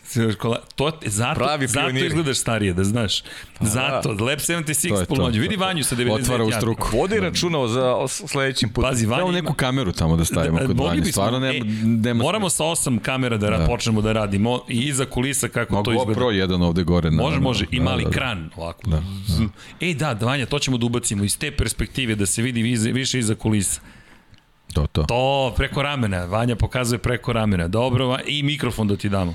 Moraš da imaš peti To je mikrofon. kao iz kokpita kad snimamo. Tako to je, to. ej, pa stigo je novi audio interfejs, to je Eto. stigo i već neko vreme je tu. Osam mikrofona može, dakle, cela žurka ovde da se napravi. Ej, večeras nema gostiju. Dom Žurka Pablo... ovde ili u kafani, ja ne znam Ne, sad. ej, žurka, samo Počeo znate, počeo ja sam da- da- da, da. dobio sam pot- potvrdne dobre informacije. Kad bismo to napravili? Po, uh, posle, uh, imamo Posle podne. odjavu sve. Pa, bo, uglavnom je bolje posle. Bolje posle podne nekako. Ne Da. znam, ne znam, drugari. ne znam da ćeš moći da pratiš ako Kako, ranije. kako vam zvuči 21. decembar? 21. decembar, kaži mi samo koji je to dan. Je li to... Čekaj, čekaj, 21. 2 1 1 Jel- 2 2 0 2 1 može. Da, a samo mi reci koji, koji je dan. Nemoj samo da bude utorak ili sreda. Čekaj, čekaj, čekaj. Eh, Utorak. Pa utorak. 21. 0. 21. O, 21. u 21.00, 21.12.2021. u 21.00 u 21 i 21. izdanje Lab 76. Da. Da. 21.21 počinjemo u kafani. Meni je samo problem što, što je taj vikend Liga šampiona u Waterpolu i Nek dođu i oni. Misliš, bit će toliko ozbiljna Ma, nek emisija? dođu i oni, Misliš, nema toliko veze. će ozbiljno biti emisija da će biti problem ako... Ne, problem je što je termin, što su termini ti večernji, zbog toga je problem, znaš. Pa dobro, šta je tu problem? Pa dobro, eto. Mislim, a, a možemo i da počnemo i ranije ako hoćeš. U 12. Pa mi- Od 12.00 Pa znam, ali ako počne sa 21. pričom o Popodne, Ako on počnemo- opet ako po danu. Dobro, 12, 12.21, Ako čekaj, može počnemo u tako. 12, onda nema ništa dva, tri puta. pa Pa nema ništa ni od podcasta. ne nazvaćemo ga podcast, ali sad Da. pod, sa poda ćemo da kastujemo. Ajde napravimo nešto, Ej, neko, da podcast, napravimo moraš neko, da na pod. neko, neko, neko novogodišnje izdanje, nešto da Ne, napravimo. novogodišnje neki, izdanje je nešto drugo. Rekao je Deki da za novogodišnje izdanje kitimo jelku. Je li tako? Jesam rekao? I... Pravimo makete. To si rekao. Koje makete? Neko, evo, Benetton. A, može, može. E, to, to može. smo rekli, možemo da sklapamo Lego Može. kocke. Za MotoGP sklapamo Lego Moramo kocke. airbrush da uzmemo. Imamo, I... imamo airbrush. Ili imamo airbrush? I kompresor. E, pa, Ti si mislio da podcast radimo u stvari u kafani? Tako je, Aha. tako je. Da, okay. dakle, podcast je u, iz kafane. Nema switchinga, Vanja. Jedna kamera koja se trese kao na vetru, razumeš, kao da si na stazi, to je to. Veliki brat, kad spavaju. Da, dobro. Ajde, vidjet ćemo, ajde, ajde, ok, mislim, što se mene tiče, ok, samo kažem, malo su taj termin. Baci 20. pogled na, na, na paju, na paju. Zabrino se, gleda svoj raspored. Pa da, Znaš, da li ima... Polako, sre, okay. Ok. smislit ćemo, Pajo, bez Smislit ćemo, tebe nema zvaćemo, podcasta. zvaćemo Finu ako treba, pomerit ćemo nešto. Da. Čekaj, a sredom, Len, Len, Ili imaš ko je već sredom Len, Len, izvinjavam Imaš se. Da. Utorkom i sredom, da. Utorkom i Utorkom sredom. i sredom šampiona, da. A dobro, možda možemo specijal u četvrtak da napravimo. Pa de, ako ponedeljak na utorak opet neće biti prenos. Može, ponedeljak Nemoj da na utorak. brineš. Bolje četvrtak, zašto je casual Friday. Casual Friday Bolje je četvrtak. Oporavim se ja do utorka već. sledećeg. Ali dobro, da se mi vratimo Formuli 1 Ajde, ajde, ajde. da se vratimo Ajde. Saudijskoj Arabiji. Dakle, staza je izgrađena, to je takođe važno napomenuti. A to je najvažnije. To je najvažnije. Znaš, gledam, gledam sekciju na formula1f1.com kada je sagrađena. Pitam se da li treba piše da li je sagrađena ili u izgradnji, ali delo je da je završeno i da će sve biti spremno. Prelepo izgleda iz aviona, dosta fotografije kako je osvetljena staza, sleće se po noći u džedu, mnogo to, to sve dobro izgleda i jedno čekam da vidimo kako će to u stvarnosti biti. Da ne zaboravimo i ostale, to ne smemo da Si zaboravimo. gledao hologram za kralja film? Oh, Sa ne. Tom Hanksom, je gledaj to. Da gledam to. Da li je okej. gotovo ili nije gotovo. Ne mogu Okej. sjetiti, da sam, mislim, ja nisam ja gledao. Uh, ali vidjet ćete kasnije makar virtualnu verziju staze. Nego, Sergio Perez, Valtteri Bottas, dakle, možemo da ih stavimo sve zapravo u ligu broj 2 i da li vam deluje da će neko njih ugroziti sada bilo Verstappena, bilo Hamiltona. Mislim, tu se slažem s tobom da, da ovde pričamo samo o vodećoj dvojici u šampionatu. Koliko god se ostali trudili. Koliko god se trudili, ja mislim da je svima noćna mora da se slučajno ne umešaju na Bravo, neki loš način na tu priču. tako je, Ne samo njih dvojica, svi. Jeste. Mislim da je Slažem to se. ozbiljan problem za, za nastavak karijere svakog od njih. Tako je. Ne Bravo. želiš da, budeš u E, tom. Da, ali, da ali znaš što da je problem? Što, to što sam je ova da staza jednostavno takva da ne možeš da da pobegneš. Tako je. Ovo će biti stvarno, ovaj, kad njih vidiš u retrovizoru, sad, to je taj naš scenariju koji želimo, taj neki raš scenariju da imamo, ovaj, njih dvojicu u retrovizoru nije uopšte dobra situacija za Pa, bilo pa koga. znaš kako, iskreno. Ove, I ne treba niko da se meša u njihovu, u njihovu Apsolutno, ali, ali jednostavno konfiguracija je takva da sigurno će biti trenutka da, da, da, da si napravio problem ili jednom ili drugom ili Tako je. 100% ćemo imati takvu situaciju. Ne, Mislim, ne, da- jednostavno ova konfiguracija sa, sa tolikim krugom svašta može da A da, bude. da, znaš u kom smislu pričam? Treba svako se bori za sebe. da, da, Ali apsolutno, treba da ne, imaš isti apsolutno. stav prema Da. Luisu Hamiltonu i Maxu. Štapu na stazi. Tako je. Ako se boriš Imaju protiv jednog, boriš se protiv drugi. To je pred to. svaku trku, To je- to je to, ali znaš kako će se gledati, odmah će se gledati ko ima koji motor u, u bolidu, tako A, da, da, pa dobro, znaš kako to to, ide, tako da Jasno. to je. Jasno. Da li će, da li će ovaj, Gasly i Cunoda da koče. Mercedese, da li će, ne znam, Lando i Ricardo Pa da, da. koče, da. da. Red Bullove i to je to. To, to su priče koje su neizbežne, to ćemo, to ćemo sigurno imati, ovaj, tako da kažem, mislim da uzbuđenje kreće još od kvalifikacije. Tako A pogotovo ovima koji su skloni teorijama Da, ali to smo i zavere. hteli. To smo i hteli, tako da. Bukvalno. svaka ova priča odgovara ovoj situaciji. A mnogo je priča, Mnogo priča. i ja, ja da čekam, taj tenzija već sada raste, kada pogledaš, već sad smo svi u nedelji, u petku, u suboti i 12 dana od danas Pa, do ja, kraja sezone. Moram ti priznati, Pazi, ja sam u danas. suboti, više sada u suboti. Jel jesi? Pa kvalifikacije su A trening mnogo dva? bitne. Pa da, i trening 2. Propustio Trening sam ga prošli put sada. Pa je bio je informativan, blago rečeno. Blago rečeno informativan. Baš je bilo, baš je bilo... A raduje me i ta Formula 2 što će onako bude držat će nam onako I lepo to i pazi, važno je zbog gripa staze. Jako Tako je važno što su oni tu. Mislim da, da, da nije, nije zanemarljivo što ih ima Tako na toj je. stazi. Nedostaju ti pratići šampionati, jednostavno da, da se staza ubrza, da, da, da, da postane... Pogotovo ovaj... što u subotu imamo dve trke u Formuli 2. Da, e, to, to je dobro i to je sad ne znam kakav je raspred, to je jako važno onda zbog kvalifikacije. Pa, Evo, e, kvalifikacije u petak, Formule 2, dve trke u subotu i jedna trka u nedelju. Ovako, po lokalnom vremenu. Prvo ide, form, prvo ide Porsche Sprint Challenge, to jest izazov srednje, bliskog istoka. Oni čiste stazu. To oni čiste stazu. Bukvalno čiste stazu. To, to ne radimo, ajde kažemo. To ne radimo. Da, ali, ali vidi, da. znaš šta, čistići njih. Čistići tako da... njih i ulje i dijelove. Jest. Baš je gužva na stazi. Jest. Ali mislim a, a da je dugačak je krug, potrebno. to treba pokriti sa, sa redarskim službama, sa, a, a prvi put smo tamo. Mi imamo volontere koji Setimo će biti oko staze. koji je imao tako silne je, probleme i sad ih ima, a kamoli na početku toga kada je tako postao je. domaćin. A mnogo je dugačak krug. Jedino, Jeste. jedino je, eto sreće, blizu, je, blizu su ovaj, krajnji delovi staze, pa, pa će verovatno ako, ekipe Vanja, biti u sredini. Možeš da baciš ali... ponovo na, na, na, na pregled uh, izgled same staze, da vidite zapravo, brate pažnju na krivinu 6 i 20, jedna su pored druge. Da. 4 21, 2 22, dakle to centralno ostrvo, uslovno rečeno. Ova, ova četvrta četvrta krivina mi je jako zanimljiva. Ej, Baš mi je zanimljivo. Malo ćemo kasnije da je pogledamo da. ponovo. Da. Tu prolaz i promene smera kretanja. Četvrta, pa prolazite kroz dugu petu, pa onda brzo u šestu, pa sedma, osma, deveta, deseta. Sve te krivine zahtevaju brze promene smera kretanja. Teško ih je popamtiti. U vremenu muđete u štos. I neki naš, naš mišljenje da su dve nedelje proveli u simulatoru, bukvalno, samo razmišljajući o tome kako da naučim što više ove staze. 27 krivina jeste mnogo, ali takođe vi krivine 17, 18, 19, 20, 21 manje više Ma da, brojite. nisu krivine. Bukvalno to je pravac, krivine, samo što je da. malo tako vijugav i pogledajte, šesti stepen prenosa, osmi stepen prenosa, osmi, osmi, prosto krivine u suštini se svode na prvu, drugu, treću, četvrtu, potom peta, šesta manje toga ima, 13. je baš zahtevna, tu dobar izlaz za 14. tu rotacija mora da odigra važnu ulogu i onda 16. krivina takođe to snažno kočenje i gde ulazite usko, tre, delo je kao da treba široko, ali to je ovo što Deki rekao, usko moraš da uđeš i brza promjena smera kretanja u levo i onda praktično pravac tamo do 22. krivine gde imaš malo oštrije skretanje u levo i onda pun, pun gas kroz 23. četvrtu, petu, šestu do sedme.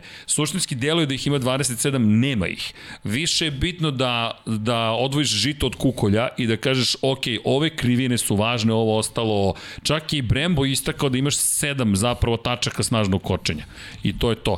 Ali svaki detalj zaista će biti ozbiljan. Kada smo kod detalja, ja bih da iskoristim priliku da pozdravim našeg sponzora, gde sipamo gorivo ljudi u novembru na OMV pumpama. Gde, gde, gde, gde? Na, OMV. E, ta, gde, gde, gde, gde? OMV. OMV. Ok, dakle, kada pričam o OMV-u, hvala im za podršku, kao što nas svi podržavate, tako nas i OMV podržao, naftna industrija prepoznala fantastičnost Lab 76 podcasta i dozvolili su nam da budemo malo opušteni, tako da pozdrav za cijelu ekipu. Međutim, šta promovišemo, kao i gospodin Miloš Pavlović, inače, pogledajte šta se nalazi iza Dekija. Automobili Lamborghini, Scuderia Corse i potpis Miloša Pavlovića nalazi se tamo iza baš lepo. M. Bravo, Pavlović, tako da bravo. da svaka čast Miloše, pozdrav, ako slušaš, pratiš, gledaš, kako god. Dakle, zaštitno lice OMV-a, Max Motion Super 100 Plus su goriva koja ispunjavaju šta? najviše standarde svetske povelje o gorivu, to je World Wide Fuel Charter WWFC, kategoriju 6 koja omogućava najveću efikasnost motora i minimalnu emisiju izduvnih gasova. gasova. Govorimo dakle o nečemu što su standardi zahtevi industrije u poslednje vreme koji stalno rastu i samim tim došli smo do kategorije 6 godina, u poslednjih nekoliko godina su se zaista značajno razvili u kontekstu toga i u skladu sa njima OMV napravio dakle jedan prilično važan korak dokazao prema njihovim rečima, kvalitet svog premijuma benzina Max Motion Super 100+, Plus, a mi naravno rado sipamo na OMV-u kada smo u prilici, zato što, kao što smo rekli, podržamo jedni drugi. I sad šalu na stranu, ali Max Motion Super 100+, Plus zaista ispunjaju najviše standarde kvaliteta i pričamo o kategoriji 6, dakle, to je nešto što je zaista najbolji izbor za najsofisticiranije tehnologije motora. Pa ko ima takve motore, ko želi da vadi računa o svom mezimcu ili kako god već da posmatrate svoje vozilo na 4 točka, može i na 2 točka, 100 plus Super Max Motion OMV, posetite, imaju i dobru kafu, tako da topla preporuka za ove pomalo hladne, pomalo tople dane, negde smo između jeseni i zime, zima kao da nije ni počela. S jedne strane ne, pa, nije po, da se žalim previše, počinje, ali da, danas je bilo malo hladnije. Jeste. Tako da topla preporuka na OMV i podržavamo mi prosto OMV, podržao je nas, tako da eto, pozivamo i vas, može i neka slikica, fotografije, zapravo rekao mi Bogdan, to nisu slike, to su fotografije. Izvinjam se svim slikarima, fotografiju, ako možete jednu, tuf, hashtag Lab76 i mi to onda prosledimo dalje i svi zajedno uživamo, a Vanja udri jednu reklamicu i za one koji slušaju na audio platformama veliki pozdrav. OMV. Energija za bolji život. A? Formula za smanjenju trenje. Formula za smanjenju trenje kada se pripremate za trkački vikend Lab 76. To može da bude formula Lab 76. Formula 76. Jeste sećate filadelfijskog eksperimenta? Ja mislim da se dešava 1000. E, danas Roger Glover slavi 76. Stvarno? Da. Okej. Okay. Da. Eto, 76. Pravi Love 76. Da. pa ne, okačio sam već na fejsu, pa sam se, sad sam se setio. Da, da, da. Korisni fejs. Da, da, da. Ok, ljudi, šta ćemo sa ostalih 18 eh, vozača, da ne kažem sada već 16 koji će doći u džedu? Pa ja mislim da su apsolutno u drugom gledaće, planu. Gledaće da trku iz prvog reda. Da, da se ne naljute, ali zaista čak i nemamo više neke bitke kojima bismo posvetili pa, posebnu pa, pažnju naš. Ferrari se odvojio u toj bici za treće mesto, Alpina napravila, rekao bih, krucijalnu stvar uh, trećim mestom Alonso da, i, i više nego što su se nadali i ove sigurno sezonu, mnogo tako da, više. da, tako da Alpina je negde se izgubila u, u, u, u toj želji da, da napravi najbolji rezultat u Alpina, Alfa Tauri najbolji rezultat u istoriji neke taktičke greške koje pravi očigledno ne pripremaju trku najbolji mogući, ne koriste potencijala bolida koji imaju Tako da ne, ne znam čime bismo se posebno bavili. Znaš čime bih se ja pozabavio? Mislim da je ovo jedina preostala bitka još koja je baš zanimljiva. Bottas Perez, mm, teško, 13 pojena ih deli, ko zna šta će tu biti. Ali, ali nevažno je. Znaš, ne, pazi, nijedna nije više toliko važna da. kao ova, ali čisto i oni su trkači, imaju neke ciljeve. Cenim da Lando Norris, Charles Leclerc, Carlos Sainz može biti zanimljivo. Pojem prednosti za Landa u odnosu na Šarla i 6,5 pojena prednosti za Leclerc u odnosu na Sainca.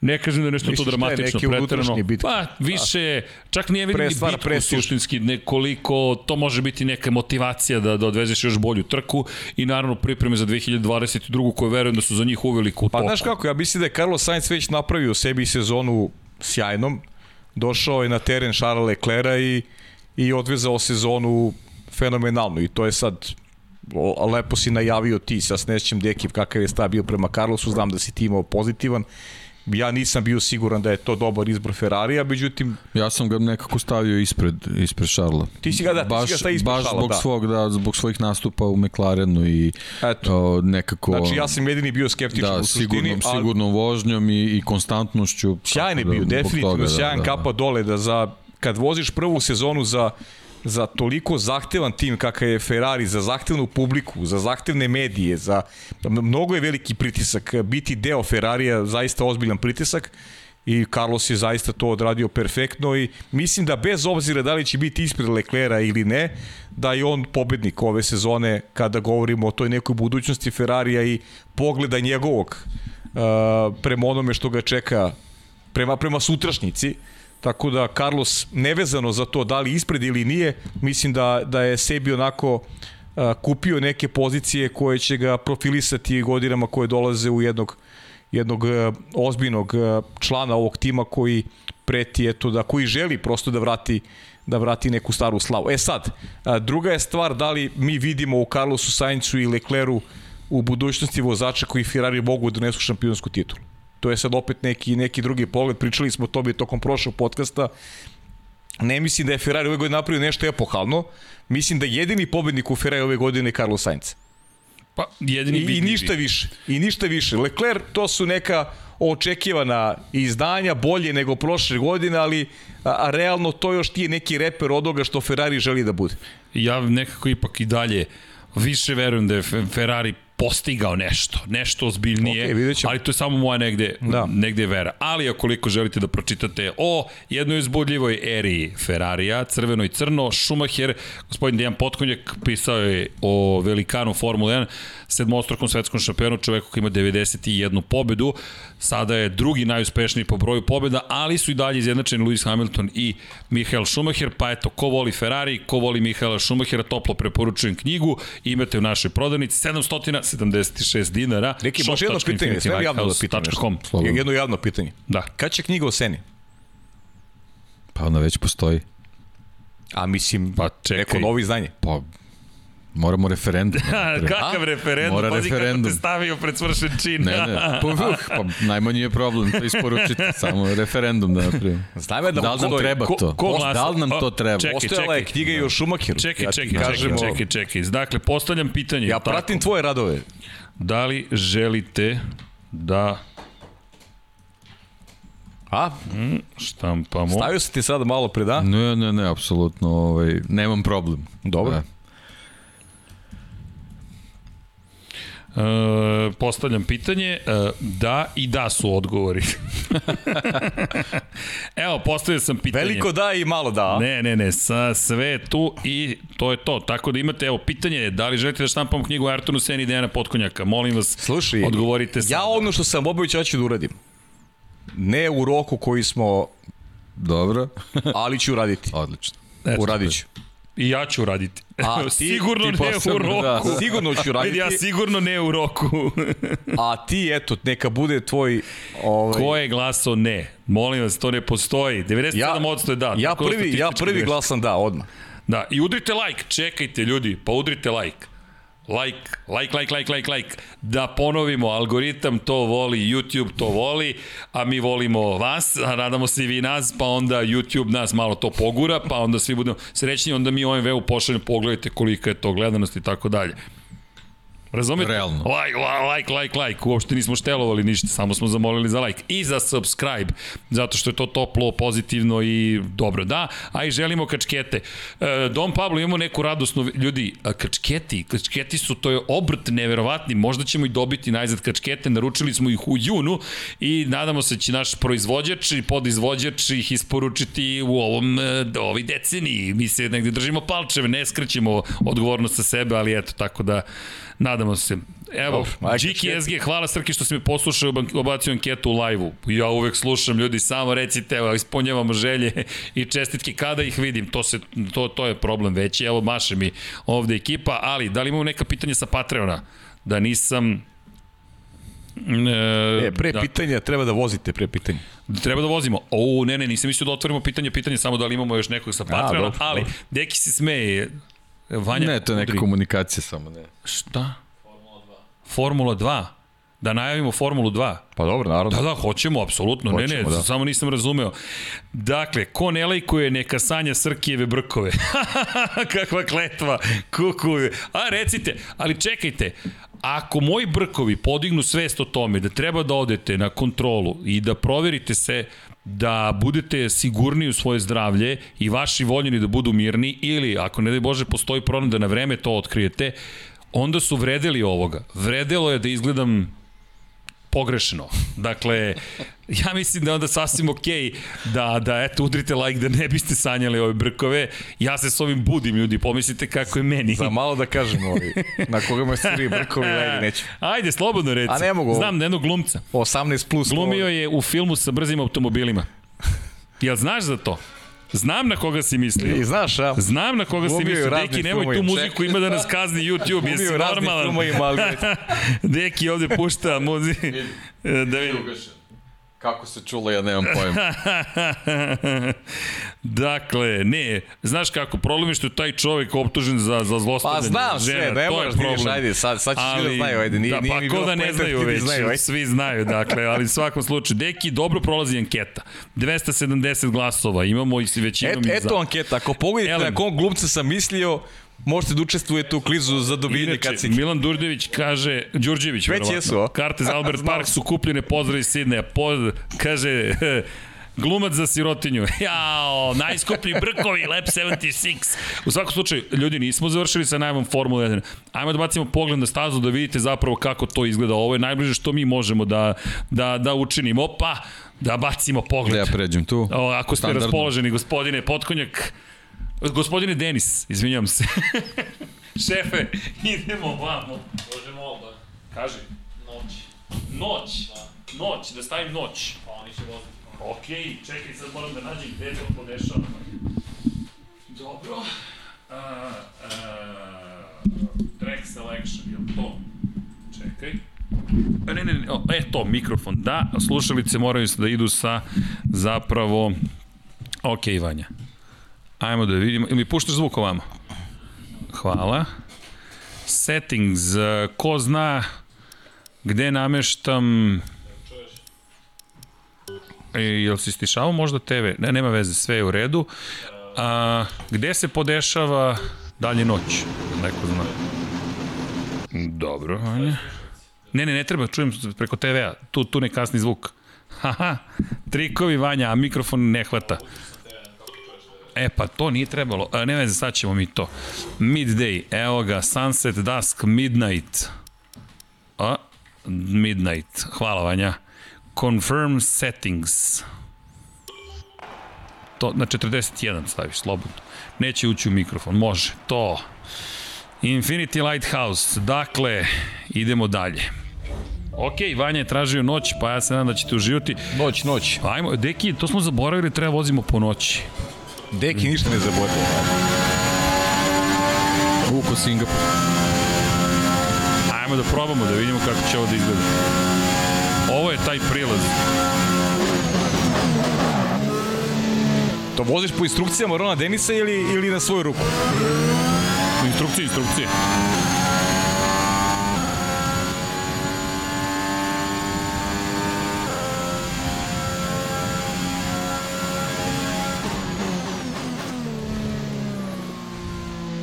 Znaš što me zanima, strašno, kako će posle da bude? Da. Pa dobro, znaš kako, mislim da je tamo dovoljan broj ljudi koje, za, koje zanima Formula 1, njeno Bahrein. Da li dovoljan da Varijanta, popuni tribine lepo? Nadam se da da. Pa nisam sišao sa staze, ali dobro, ajde sad. Vidimo i Ghosta, bio sam...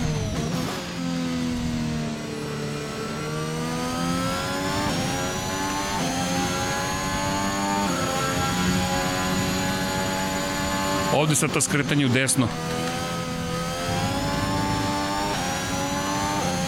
Bravo, Srki, bravo.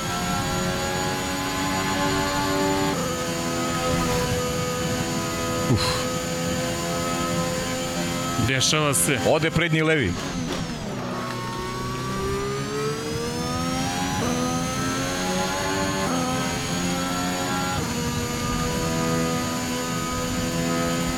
DRS još da pališ, super.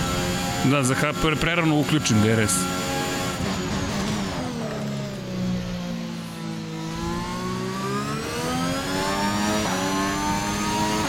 Pa ti si baš vežbao, Srki. Da, da, kako ne. Kad dođeš ranije na podcast. Vidiš, da. Kad dođeš na vreme. e, mislim ranije. Ovo ti je najbolji krug koji si odvezao da ja gledam. Dobro, dobro. Tu rekao Komentatorska bih, gleda. komentatorska gleda. To je to. Ja, ali dobro, nije bilo loše do sada. Bolje da sam ćutao, znači. Ne, ne, sad sam bio preagresivan, znaš. E, to su ti kvalifikacije. Jedna greška, malo je pobegao zadnji kraj i gotovo.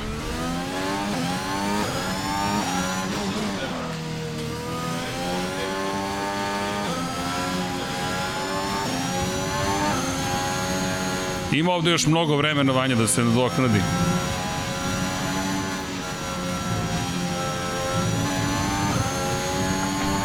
Ima baš mnogo vremena da se nadoknadi.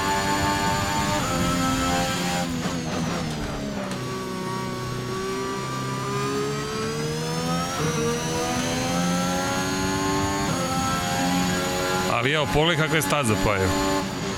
Da, da.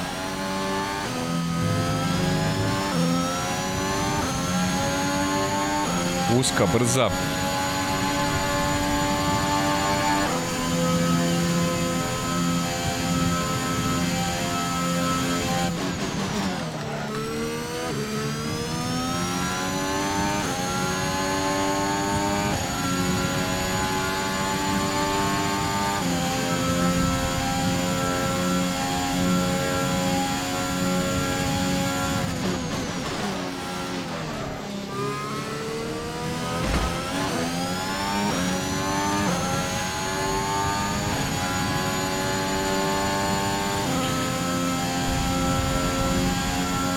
Nije bilo loše. Sad su zagrejene gume sad. Ovo Dobar je si, tvoj dobar krug. si.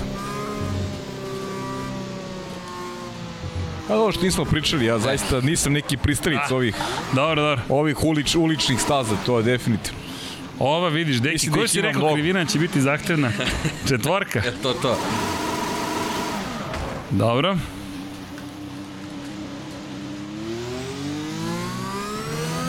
Dobro, sledeći znači mora bude savršen.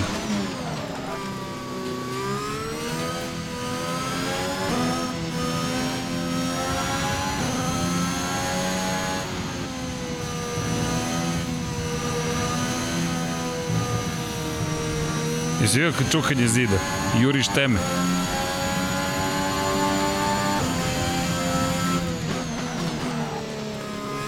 Da li ćemo imati zid šampiona ovde? Imaćemo sigurno, samo ne 100%. Pa Da da li, da bude premijera da li samo šampiona, to je pitanje.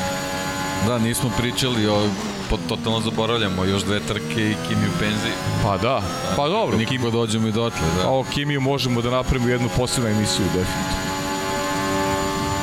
Mihajl Već jesmo, ali Maksimčuk, mora još. 25 kuna, najbolji podcast, pozdrav Slavonskog broda, pozdrav Mihajlo. Pozdrav, Slavonski Brod. Veliki pozdrav Slavonskom brodu.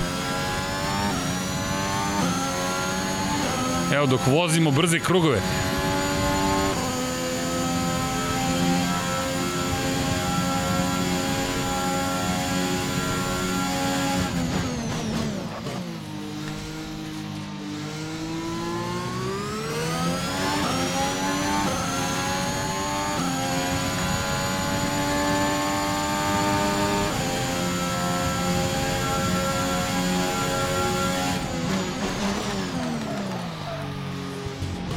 Malo blokira točkove.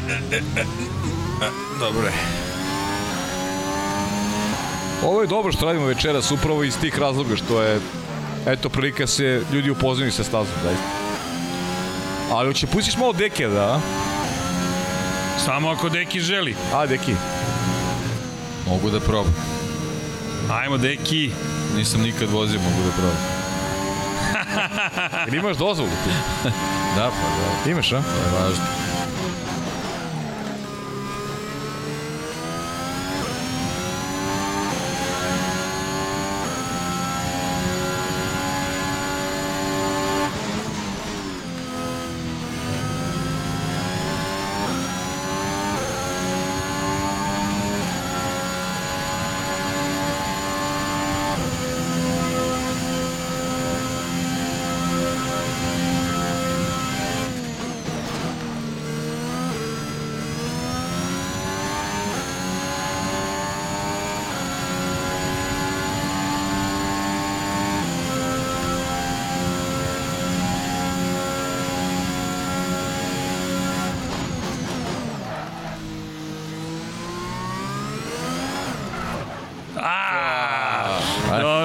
Hteo, mnogo započeo. dobro. Dobro, ovo je bilo za publiku. Da, da, ovo je bilo za potpis, za kraj. Dobro. Not too bad, not too bad. Zbojne potkonjak, izvolite. Dobre. Dobar si, Srki, dobar, stvarno. No, bolje, bolje. Pa jeste, be, vidi se, vidi se rad, vidi se rad, trud, trening, posvećenost. Prebacujem tebi. Okej. Uh. Dobro, ja se nadam, Tako to radi naš čika brka. kaže srđane voziš ko moja tetka. Opa, Opa, uvrede. znači tetka je dobra U vozač. stvari da, zapravo. Tetka je dobra vozač, znaš. Dobro, nisam bio toliko loš. Kaže, ako Alpina bude ovako stabilna na trci, ima Alonso da ponovi podijum. A sada, šef A ekipe. sada, Ron. Sada nema šale.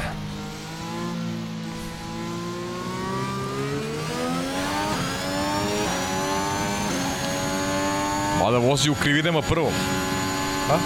I kaže Nikola Tom Srki koristi bateriju. Bih kad bih znao. Kako? 1.34. Uh, Nikola Tom, mi bukvalo ne stižemo, mi toliko nekih stvari radimo. Da, ali čekajte, Nauči, zapiši. sad ćemo da proverimo.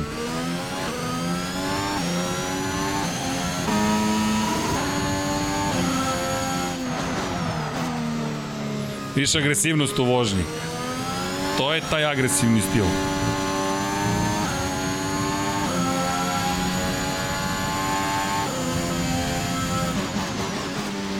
Još vidim da je baterija non stop puna, ali znaš kao kako se koristi.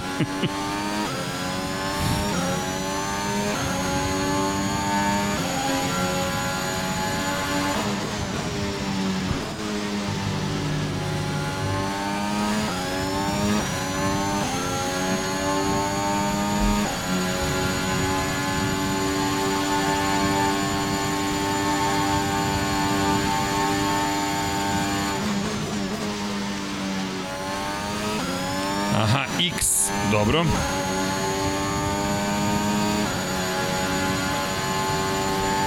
Kako?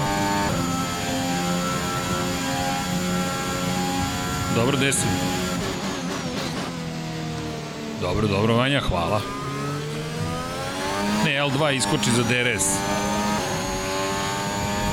Dobro, nismo obratili pažnju, hvala za tople savete. Da, da li će biti asfalt klizav? Pa ne znamo, nadamo se da, da, nadamo se da neće, iskreno. Ali ne bi bilo iznenađenje, s obzirom činjenicu da je novi asfalt u pitanju. To, deki... Oko da Alonso vozi. Odličan je.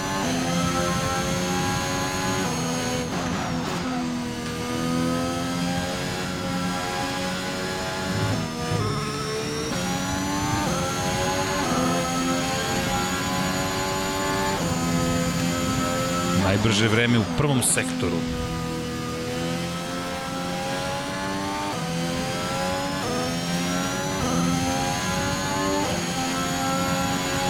Malo pre postavio novo najbolje vreme za Infinity Lighthouse.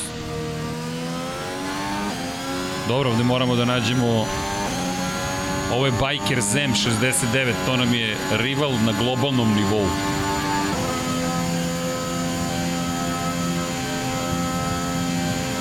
Dobro, polako, sredit ćemo ga.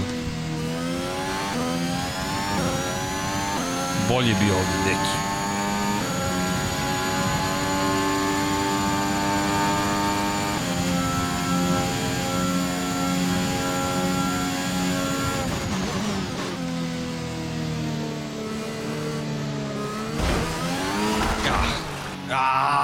Šteta, bravo, neki super krug bio. Nema veze, deki, na, Šteta. bio si najbrže u prvom i drugom sektoru, a? Uh, dobro. Dobro. Bravo, stvarno deki, deki, vidi, pokido si ga. Kaže Deki Andrić, kaže, ne veruje svojim očima kako voziš Srki, Mercedes treba da te, da te da, da, da, važi, važi. Ćao, Deki, čekaj, a pa znaš koju informaciju plasirao? Deki, smem ovaj, je ti ovo, je ti ovo prvi krug O, na ovoj stazi? pa da. Prvi. Prvi u ovom Među satu. prvih sto. Ne, prvi u ovom satu, prvi od sto.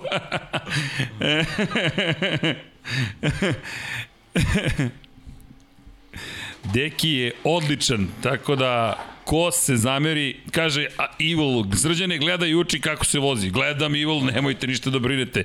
Polako, ali sigurno. Ćemo još da vozimo ili šta? Ako si raspoložen, može. Deki, udri.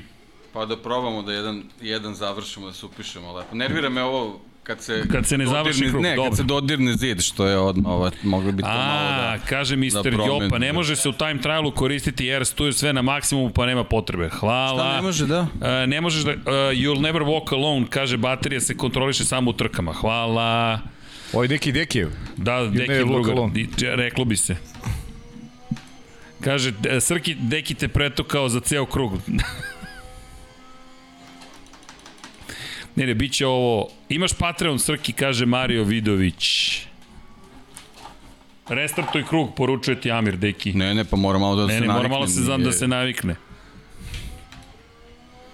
Slušajte vi šta Srki priča, pustite mene. Da, ništa ni ne pričam, pravo da ti kažem, svi uživamo u tvom krugu, tako da mi čekamo zapravo osvetu. Da skineš bajkera Zema 69.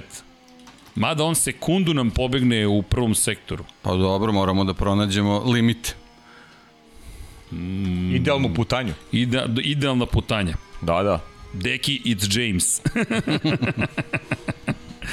da, da, bit će ovde problema u kvalifikacijama. s Cyril. obzirom- E, Cyril se tetovirao. Jel se E, tetovi... jeste, jeste, jeste, da, da, da, da, da, bravo, čekaj, čekaj, zaborio čekaj, čekaj. sam, tetovirao se Cyril, tako je. Dobio sam nekoliko ovaj, poruka i, i fotografija. Bravo, deki, zaboravio bih, Cyril se E, tetovirao. poručuju tako ti da menjaš gume, restartuj krug. Pa da, mislim da je to, da. Da, da. Paja da vozi, hashtag se pojavio. Ne, Paja, ne zna, Paja je tanak, Paja ne igra igrice i Kako stvarno da kradem vaše vreme bilo bi, bilo bi glupo, jer sam... E, zvuk iz igrice nemamo. Isključio da prestati? A ne, ne, vrati, ne, nemaju čekaj. publika, nema zvuk iz Čekaj, igrice. nešto, sam debili mi prsti. Options. Uh, restart lap, Restart samo to, X, da. udri X. Evo To ti je to. Evo, nove, sveže Nove, gume. vidi kakve su, je. A, vidi, a. To imamo i zvuk iz igrice. Kaže Mr. Jopa, ne menjaju se gume ovde. Nema veze, to je psihološki efekat Mr. Jopa. Nije to istina. Mr. to je, Jopa, ja. To je, to je, to je takav pristup prosto.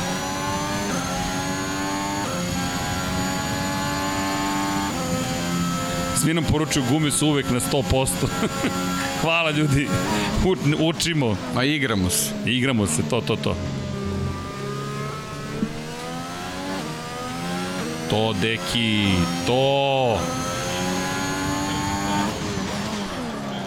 Imaš, imaš u igrici, ima i menjanje guma i strategija mora da se vodi računa. Ti biraš pre početka trke koju ćeš strategiju da izabereš u kvalifikacijama ako voziš te gume, ako prođeš u Q3, zaista je urađeno što je približnije iz te perspektive moguće formule, ali ovo nije simulator, više arkada, ali opet super i zabavno je, pogotovo kad igraš na globalnom nivou, ali nisam ovo igrao, dakle, GT Sport se igrao, ali to deki Nije bilo dobro, ali sam nije se bilo, spasao, da, ali nema veze. I dalje imaš najbolje vreme u sektoru 1.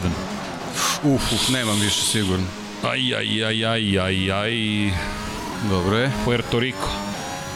Dobro, ali ljudi, trudimo se, trudimo se. Paja Racing. Srđan, Deki is faster than you. Can you confirm you understood the message? Čekajte, šta je ovo? Želite takmičenje između nas da stvorite? Deki, jel smem posle da probam još jedan? Naravno. Uf, ovo je takmičenje ovde. De, e, ti si Ron Dennis, imaš senu i prosta u svojim redovima. Pajo, kako ćeš ovo da rešiš? Ja mislim da si ti dao bolji bolid Dekiju. Ako je, ako je deki sena, narodno sam mu dao. O, Navijački. dakle, da li zabrati maksimum da hoće to obstaviti? Deki, box and pit confirm. da, dobro, bar se lepo zabavljamo. Ljudi, pripremite pitanje, dolazi i taj deo, a ovde, ajde da pustimo Deki da odradi krug.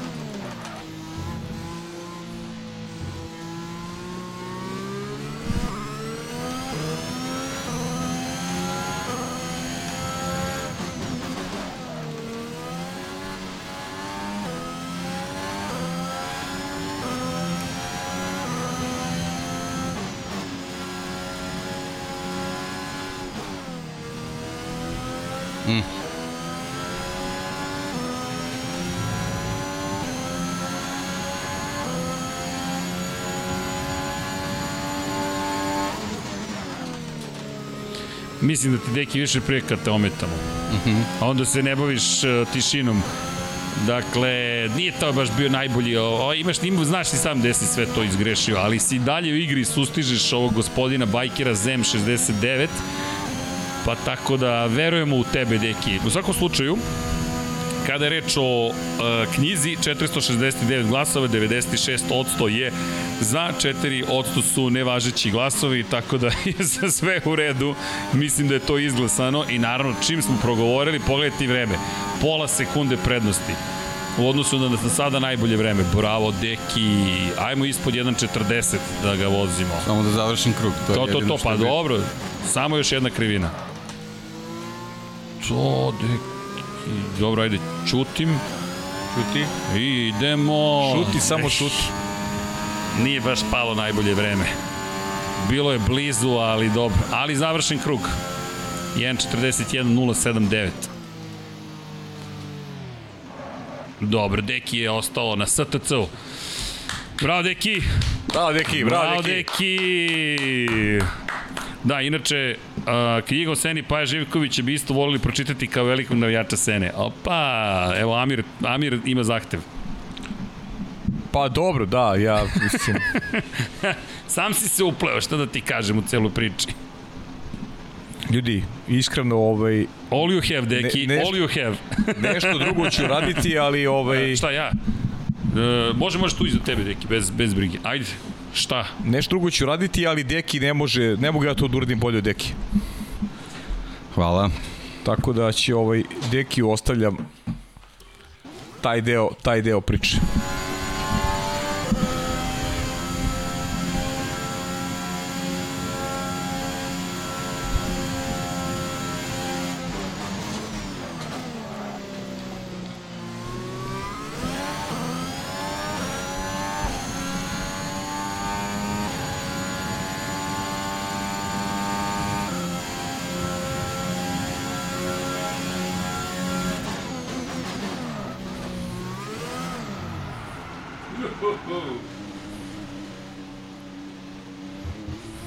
To je ta dekoncentracija.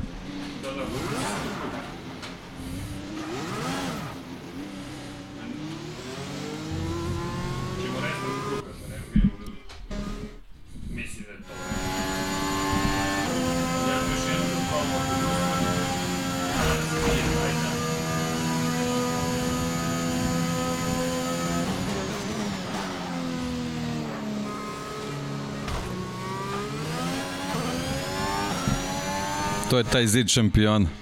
Da, moram da restartujem krug.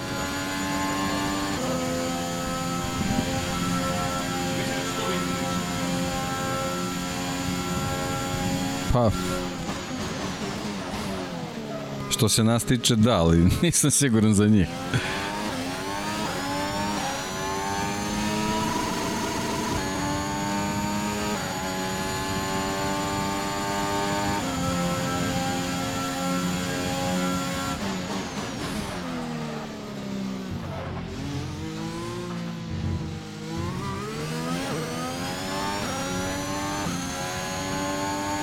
Važno ti nije poništio krug, to je bitno.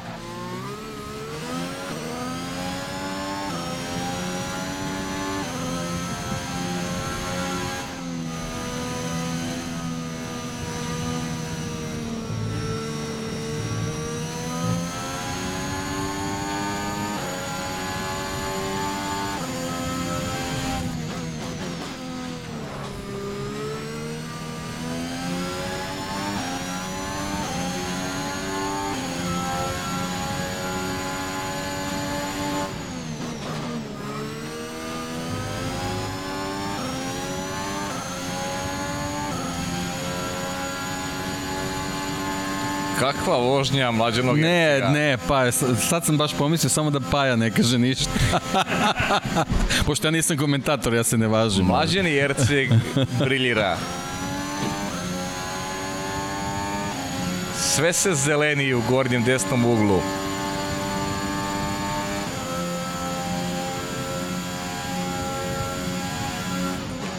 Zeleno je, a nisu jabuke. Ajmo Srki sad, ajmo sad, sad, sad, sad, sad. To je to. To je to. je to. Bravo, Srki. Erceže, bravo.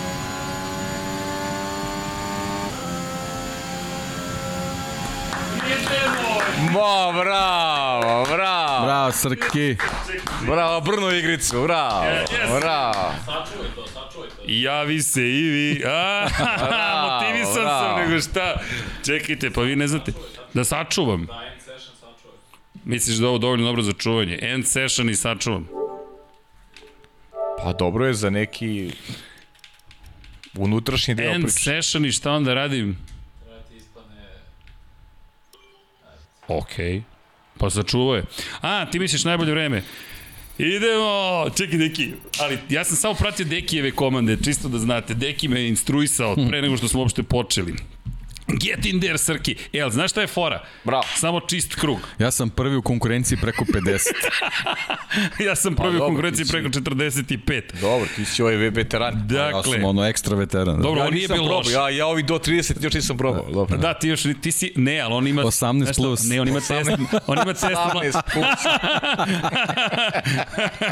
to na konto brkova, ne razumijem. Pa, ne, U svakom ne slučaju, ali ti, Brk. znaš šta on vozi? Uh, test mladih vozača. A ja vozim za, za, za, za klinčadiju ovo. Test mladih vozača Ja vodiš znaš zašto ja ne vozim? Ja sam još u Formuli 3.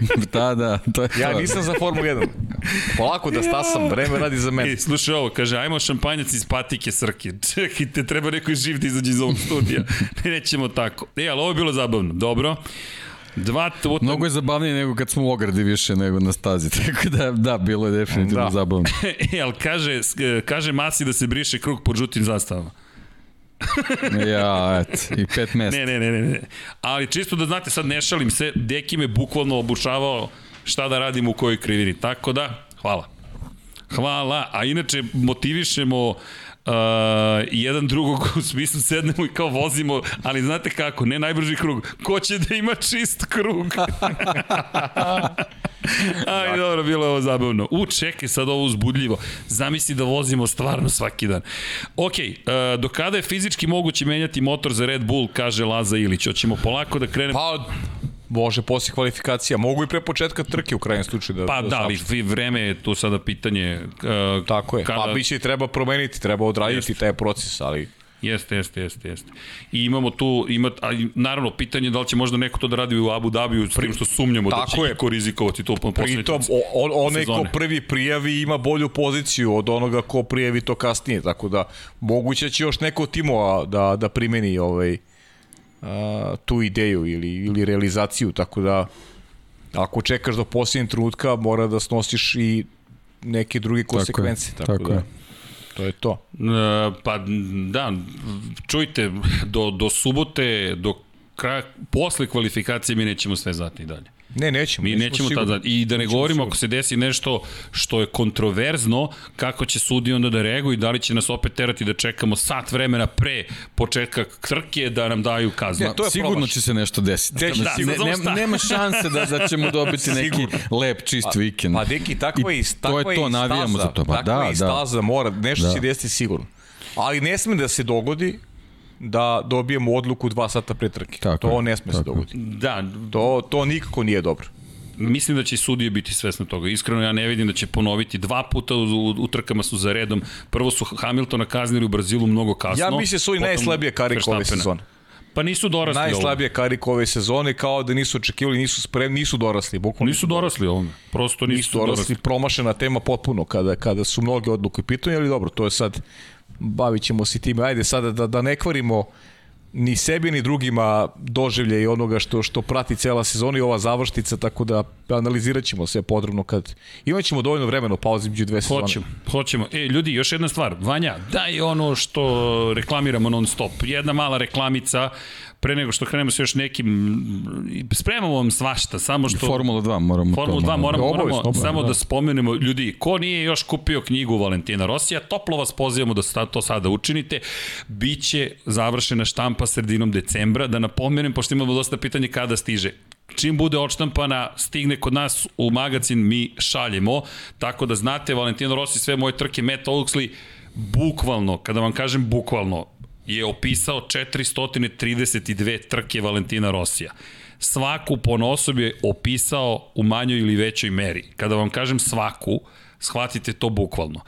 Svaka trka koju ikada Valentino Rossi vozi u svetskom šampionatu je opisana Na jednom mestu. na jednom mestu. Strašan projekat. Ne, nevjerovatno, pazi, uh, iskreno, nije nam prvi put da se bavimo ovakvim stvarima, ali prvi put u životu vidimo knjigu u kojoj je opisana svaka nečija trka. Prvi put. To znači startna pozicija, rezultat u trci i plasman na pobedničkom postolju kakav je bio vodeće trojice A vozača. pritom, pritom ne bilo koga, nego Valentina Rosija. Datum možda trke, i najvećeg u pa verovatno jednog od najvećih svih vremena. To su Giacomo Agostini, Valentino Rossi, Mark Marquez, Mike Halewood, znaš, to su vozači, to, to, to je taj, a on je potom prevazišao sam sport. U svakom slučaju, Ja, a ne znam, ja mislim da niko nije taj sport toliko ne, niko nije podigao taj profilisao i sport. podigao kao što je on to Tako je, uradio. tako da znate shop infinitylighthouse.com stavit ćemo i link ukoliko ste raspoloženi istovremeno da znate da podržavate i nas Ovo je nešto što je nama emotivno veoma važno, takođe nam je važno iz perspektiva širenja onoga širenja. To je prosto priroda stvari Infinity Lighthouse šta pokušava da učini. Hoćemo da, da možete da čitate knjige na jeziku koji razumete, crveno i crno je jedan od prvih delova tog pro... del, neću, neću tako ne da kažem, ovo je umetničko delo, Ljudi, na- imaćete još Najbolje jedno. čiti na jeziku kojim govorimo. Pa, to je... Mi se to Pa, trudimo. Mislim, ne, ne, nema, ne, ne, mislim, ne može se meri ni, ni sa čim drugim. I iz te perspektive, evo, 536 glasova, da znaš, Deki 96% je reklo da. Tako da, Deki, Hvala. izvini Eto. što sam ti ovaj... Ne, ne, ne. I Tako ne da znam što to rekao. Ja kao navijač scene, ja znam da to ne može da uradi niko bolje od tebe. To je već urađeno. Samo ćemo da, da malo čekaj, ne, ja obogatimo to, i, to, to, i to, Treba prilagodimo. da se Da, da, obogati. to, to. Tako je, treba To, da se to, to. obogati. A Pa pazi. isto koji Šumahir. Imaćemo prostora za a i to, sad da. smo naučili neke nove stvari, da. tako da mislim da imam neke ideje, Deki. Boleće nas sve glava, naravno, ali mislim da će biti super kad to uradimo. U svakom slučaju imamo te neke nove stvari, tako da znate. Deki će kasnije da prokomentariše Bengalse ako nije nikakav problem. da, dakle, Ja sad ne razumem ovaj govor, šta, šta... A, NFL, aha. da, da, da. Inače, Hvala Vanja. E, pitanje za Paju. Pozdrav ekipo, najbolji ste, da li je, da je Christian Horner, da li bi promenio motor pred ovu trku?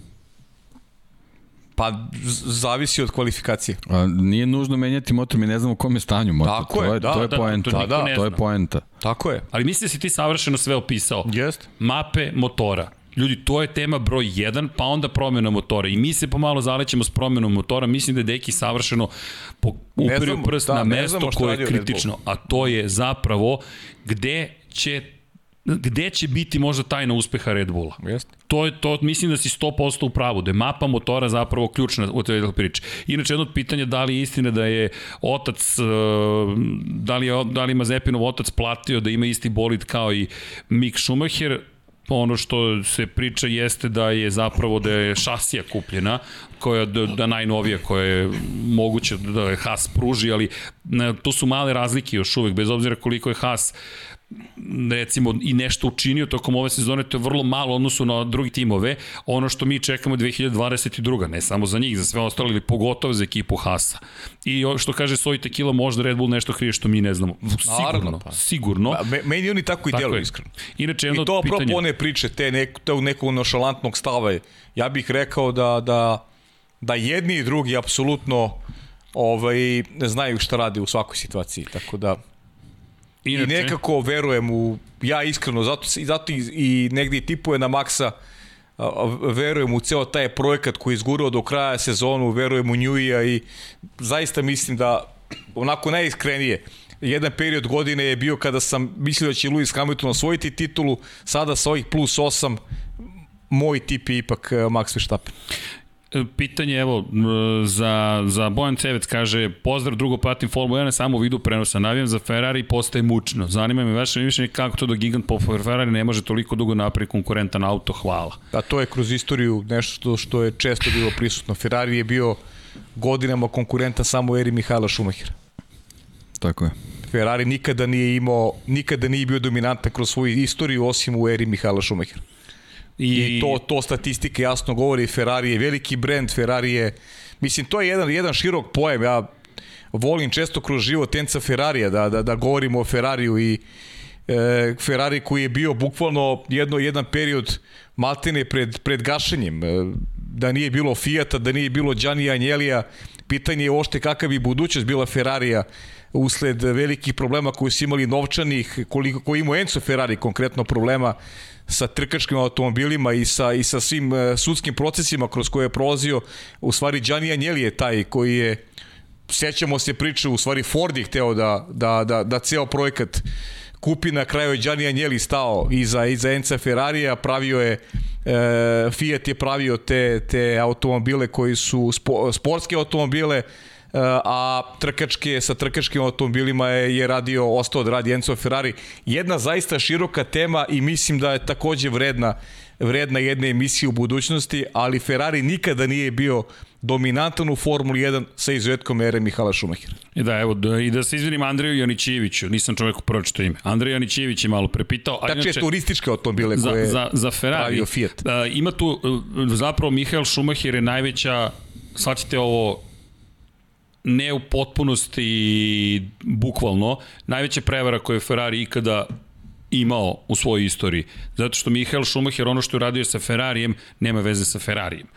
Ono je bukvalno era Mihaela Schumachera i Pa je, bukvalno je tako. to što si ti rekao, dakle, kada kažem prevara, sve ljubitelje A Ferrarija... prevara po znacima prevario, da. Ne, ne, prevario je sve ljude da će to od sada biti standard Ferrarija. Jeste. Zapravo nas je Ferrari prevario sve, kada je doveo Schumachera, šta su učinili odlaskom Mihaela Schumachera i to po njihovom priznanju, dakle, mi možemo da se vratimo kada je zapravo sam Ferrari A rekao... kritična je stvar da je Mihajlo doveo još mnogo ljudi za sobom. Ali, ali pa šta, izvini, šta su priznali? Priznali su da su rasturili strukturu koju je Mihael Schumacher postavio u Ferrariju. Dakle, kada je Mihael Schumacher otišao u svoju prvu penziju, posle toga je Ferrari počeo da se vraća strukturi organizacioni koju je imao pre dolaska Mihaela Schumachera. Dakle, nisu bili bitni rezultati, nego je bila bitna slika kako izgleda organizaciona šema i kako izgleda ta unutrašnja struktura i ko se šta pita. Ne koji će biti rezultati, već kako će da se pita. To je bukvalno bila priča o Ferrariju. I oni su otvoreno rekli, ta organizaciona šema koju je imao Ferrari, kada je došao Schumacher kod doveo Rosa Brona, kod doveo Žana Toda, kod doveo m, Da, Žan Todd je bio tu, u stvari... na šefu da, piramide. Da, da, da. Ali d- e, došao je, sa stade mi mozak, glavni inženjer, imali su Alda Kostu pritom, Alda, jeste. Rory Birney, jer, tako, nije, jer on nije, nije Da, u da. tom trenutku bio, siguran da je nego Rory Byrne je došao. došao, Došao, jeste, da, da, došao je. Rory Birney John je Barnard došao. je, John Barnard, Barnard je, je otišao. pravio bolide sa, sa kojima su se prvi put susreli, koji su stvari kasnije, kasnije bili evoluirali. Da, da, Tako da, je. da, da. Tako da je to ekipa koja je došla, ali kogod je radio nekoj većoj i manjoj organizaciji, imate jasnu strukturu. Schumacher je tu bio kapiten, šef, quarterback, kako god hoćete,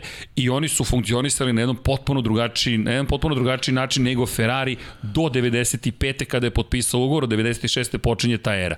I oni su bukvalno sami rekli, mi smo tu strukturu rasturili kada je Schumacher otišao. Jeste. To vam je odgovor. Jedan od glavnih odgovora. Ferrari je radio sam protiv sebe. Jer jednostavno nije u poslovnoj kulturi Ferrarija bilo da se tako Pa ti nastavi. imaš i moment kada je posljednja titula Ferrarije. Ceo tim radi da Filipe Massa bude šampion, osvoji titul i Kimi Raikkonen. Dakle, i tu tim nije uradio posao kako je želao. Pa imamo sada priču vezanu za, za Fetela Raikkonen. To je ogledalo, ogledalo, rekao bih, Ferrarija. Te neke njihove pa neću reći nesloge, nego, nego loših procena koji ih prati kroz, kroz istoriju. Ti imaš onu trku u Monci koja je ogledalo onoga što je Ferrari u posljednjoj dekadi. To je takav promašaj, to je takva, to, to, to je takva glupost koja je napravljena u toj trci da je to, da je to epskih razmera. Pazi, Marko Matijači To Mercedes došao. ne bi dozvolio nikada. To McLaren, to nijedna ekipa ne bi dozvolila u borbi za titul. I, i Nijedna ekipa. tri šefa ekipe su oni promenili. Marko Matijači je došao, on je potpisao ugovor sa Sebastianom Vettelom, dobio otkaz na kraju te godine. Zatim je došao Mauricio Rivabene Rivabene, i on je. dobio otkaz. Zatim je došao tek sadašnji šef ekipe koji je bio u tom Mauricio momentu... Bene koji je sad u, u Juventusu, by the way. Pa dobro, krug, to je, da. Tu se, svi se drži. I onda je došao Matija Binotto koji je bio tehnički direktor i Matija Binotto sada gradi nešto što deluje da bi moglo da bude za budućnost bolje. Ali dalje nije došao na nivo Red Bulla ili Mercedesa. Prosto Nije, nije, organizacijno nije ni blizu. Tako da ne znam kada će to da se... Ja verujem da ćete biti bolji naredne godine, ali to je samo neko moje obeđenje. Muki Alex pita, Kako komentarišete nove testove? To je odlično pitanje za zadnje krila i odluku Međunarodne automobilske federacije da niko neće biti kažnjen ukoliko ne zadovoljite nove testove. Prva stvar, e, ajmo da prvo komentarišemo. Evo, ako mi do- dozvolite, Izvoli. ja mi se to potpuna besmislica. Uvodimo testove, a onda objasnimo te testove tako što smo ih nazvali testovi za prikupljanje informacija. Ok, da li naredne godine imamo isto zadnje krilo na tim bolidima? Mm, ne. Dakle, imamo samo... vizuelno. Ni vizuelno. Dakle, mi imamo samo još dve trke u kojima će ova zadnja krila da se koriste. Ti uvedeš novi test za koji, koji treba da proveri regularnost tih krila i kažeš ukoliko nisu regularna, niko neće biti kažnjen. Čak to ne ne ostaviš kao tajnu informaciju, nego timovima kažeš trku, pre, dve trke pre kraja šampionata, radite šta god hoćete za zadnjim krilom, mi vas nećemo kazniti. I inače sve počelo tako što je Red Bull rekao da sumnja da prosto krilo i imamo par stvari samo da ponovimo. Mogu da dobijem tog Alonsa, izvinjam se, koji mi je Marina poklonila. Hvala Marina, e, to je e, kaciga specijalna, da, da stavimo, evo kacigu ćemo ovde. Mogu da dobijem samo Alonso, izvinjam se. E, vrlo kratko, dakle, mi imamo ovde, ovo su granične ploče. Ovo je granična ploča, granična ploča, ovo ovde površina je površina ajmo ovako, gde, koja zapravo predstavlja ključnu površinu za DRS. Drag Reduction System, to je za sistem unjenja aerodinamičkog otpora. Ova gornja, ona se skloni i smanji se aerodinamički otpor, poveća se maksimalna brzina. Ovaj ovde ceo deo, ovaj ovde, ovako, izvini Marina, neću slomiti, se savija navodno i kako se testira? Tako što se povlače granične ploče. I sad, to je prva test fleksibilnosti na koji su posumnjali u Red Bullu. Imamo još jednu stvar koja se već godinama koristi, to smo u Turskoj tekako videli. Zadnji kraj zna da se spusti, dodatno smanji dakle prostor između zadnjeg kraja i tla, poveća efikasnost difuzora. Zapravo šta radi difuzor izjednačava polje niskog i visokog pritiska koje se nalazi, dakle kao izvrnuto krilo i smanjuje zapravo otpor aerodinamički koji se stvara prilikom izjednačavanja pritisaka. Prosto takva je aeroprofil je takav da kada vazduh naiđe na, na pod pre svega, dole nastaje polje niskog pritiska, gore visokog, to pritiska bolid na dole, ovde ga usisava pošto je pod pritisak i on je stabilni. Zatim se ovde izjednačava i deo treba sprovesti gore na zadnje krilo. Elem, zadnje krilo se smanjuje, se savija, kako se savija, taj profil zapravo postaje, ako pogledate iz ove perspektive, manji u odnosu, to jest imate manji otpor vazduha i onda su rekli to je jedan test, pa su to promenili. Zatim su rekli u Red Bullu da ovaj deo između graničnih ploča smatraju da se zapravo širi kada se otvori DRS. Dodatno, dakle, da smanjuje aerodinamički otpor i da se generalno ovaj ovde deo između savija. Rekli su u Mercedesu da Red Bull viđa duh, vidi duhove u celoj priči i onda je FIA odlučila to da testira. I onda su uveli nove testove u Kataru i onda su posle Katara rekli ej, ali ako uhvatimo vas da ste prekršili pravilnik, nikom neće biti ništa kako, ne znam šta da vam kažem, meni je to potpuna besmislica, ja ne razumem, ako je to tehnički pravilnik, on mora da bude svetinja. Prekrašaj tehničkog pravilnika podrazumeva diskvalifikaciju, to smo videli sa Hamiltonom, to smo videli sa Fetelom ove godine i ti sada kažeš, ma u redu i taj tehnički pravilnik Samo vas gledam. A ima mnogo, ima mnogo anomalije, ima i, i promena, i promena pravilnika u sred sezone i mislim svega ima ove godine, ali sve je neko u senci pa sve je počelo generalno sa, sa Red Bullovim pričamo u stvari u Red Bullovom krilu. Jeste.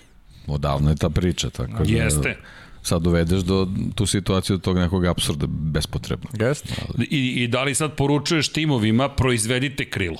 Proizvedite krilo pa, koje god vi želite, radite šta god hoćete. Ne samo Mercedesu, nego i Mercedesu i, i, to, i Red Bull. I to dve trke pred kraj, radite Tako je.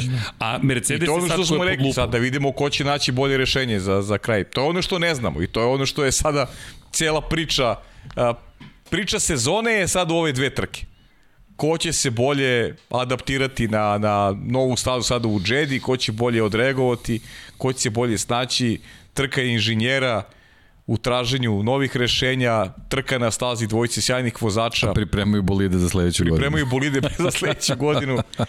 Potpuno ludilo imam. Vidi, meni je savršen Ali slušaj, ne, ne smeta mi ništa, sada mi ne smeta iz ove priče, verujem da je i nikom za stolom, a pa i ljudima koji ne slušaju. Da, tako da eto, to je to je naš komentar. Ne znam da li ste zadovoljni, Ako ali nas slušate, udrite like. Da. Udrite like. Ej, čekaj, imamo Bravo, 550 deki. like. Ajmo ljudi na 600 da Proradio je imamo ciljeve. tebi, udrite like. Probudio se Srki u Dekiju. Probudio se Srki u Dekiju. Udrite o, like. Čekaj, go, zvuči tako. Da, da. Ovo zvuči 18+. Plus. Definitivno. Ne, ne, ne, okej, okay, vi ste učili. Strašno. Ja nisam strašno. ušao u Witching Hour. Vi ste pono... ja, dakle, posle ponoći, posle ponoći i svega ko će ima. mi, posle ponoći, ko će mi odmoći? U, imamo i pesničke sada ovaj, minijature. Ivane, hvala, 500 dinara. E, 500 dinara. Hvala Ivane, hvala. Hvala Ivane. E, Ljudi, pratim ceo podcast. O, srećan rođendan, vidi, ne čitam do kraja. E, Kaže samo da pohvalim vožnje. Jack Miller. Srki vrš iz deki da se zahvalim što ste uvrši 43. Evo pa još jedan čovjek stariji od tebe. Pozdrav za Ivana Božanića, lepo si rekao Jack Miller, broj Australijanca. Nije teško biti stariji od mene. Nije teško biti stariji od tebe. Čak ti i Vanja sustiže. No, manje, nešto mlađi. Njemu priznajem. Za da je nijansu. Ne, njemu priznajem da je nešto mlađi, da. Za nijansu. E, I onda čuveno pitanje Andrej Jančević, šta mislite ukoliko se Verstappen ukaže prvi da li će namerno izbaciti Hamiltona? Mislim da neće. Pa da, nešto za sada. Mislim da, da, da će... Da to je lepo rekao. Ko je to rekao? Neko je rekao da je, baš je lepo opisao Maxa. Mislim da je bio u pitanju... Ko je opisao? Da, Ricardo. Rekao je da, da ima vrlo sofisticiranu agresivnost Max Verstappen. Da je mnogo radio na tome da kontroliše svoju agresivnost. I to je ono što smo videli u Brazilu. Mislim da je ono savršen pokazatelj koliko Max Verstappen može da iskontroliše, koliko želi da bude Ne zaboravimo, on je, on je bio potpuni klinac kada se pojavio na... Pa ne bi ni bio u ovoj igri da je pre ovo pre tri godine. Dečko Mislim da bi došao, nekog- maloletan u šampionat Formula 1. Zaboravimo to. Da, došao je baš kao klinac.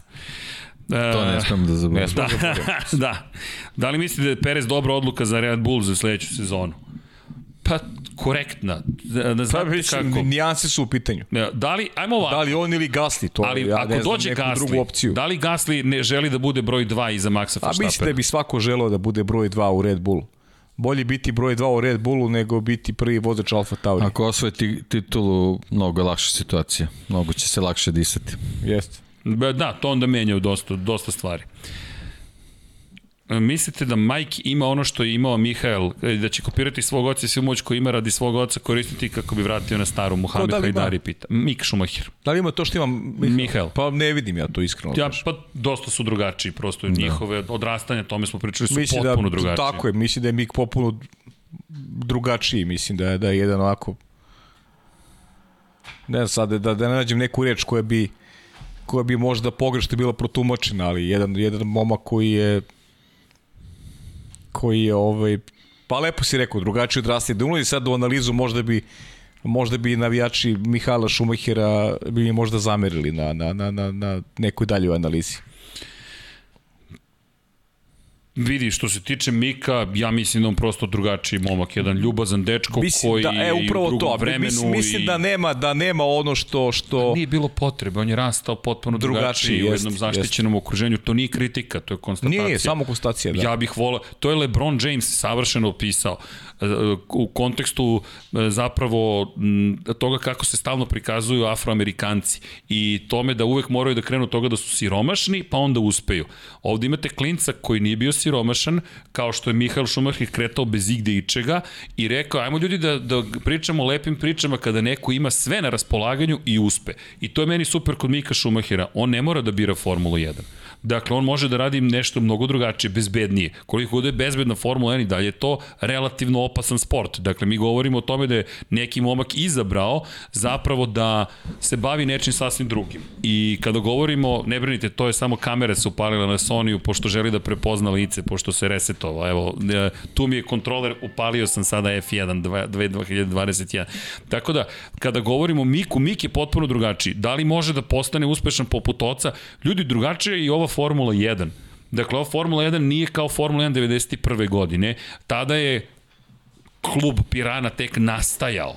Ovo su rezultati kluba Pirana, vi imate korporativno jedno veliko takmičenje u kojem se igraju neke druge igre i Mick Schumacher je u sjajnoj poziciji Pa da ne to samo to, iskoristi. generalno sport je drugačiji, Jeste. život je drugačiji, sve, sve ovaj, Jeste, ali ono, koliko god to ružno zvu- zvučalo, ima ogromnu prednost u izgradnji, u izgradnji svog karaktera zbog jedne ozbiljne tragedije koje je prisustvovao.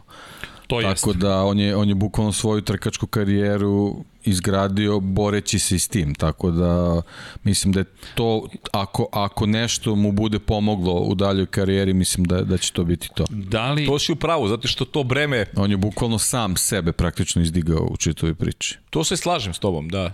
Ima, ima, Da nije bilo te nesreće, pitanje da bi Mick Schumacher uopšte došao do, Tako do, je. do ovih visina. da li trenutno. da vas podsjeća, Bruna Senu smo spomenuli na početku na Bruna Senu do nekle. Ne. Mislim da je talentovaniji od Bruna. Ali da. više načina koji motivacije, jer majka Bruna Senega je sklonila iz trka, Da. ali je Bruno i dalje želeo da... On je da, bio da zaštićen opet na drugi, na Jest. neki drugi način. I generalno i karijera Bruna Sene bi išla drugim tokom da Ayrton ostao živ, tako Jeste. da Ba, mislim, mislim da njega ne bi bilo zasigurno u Formuli 1 da da nije bilo Pazi, Ayrton je pričao da je Bruno da talentovaniji od njega. Pa, jeste. To će svako da kaže za nekog koga voli, ali opet ne znamo šta bi Zna, bilo da su znam mnogi vrhunski sportisti koji Mark govore Marquez je da rekao za Aleksa da je talentovani. talentovaniji. Dobro i to što kažeš, da. okej, okej. govori, govori čak i dalje. Da, ali to se, to se ne vidi. Inače, Mario Vidović I na Patreonu Valentino za, za, za Luku. Luku. Pa dobro, to je ljubav. To je to, to je ta ljubav, da. To je ljubav.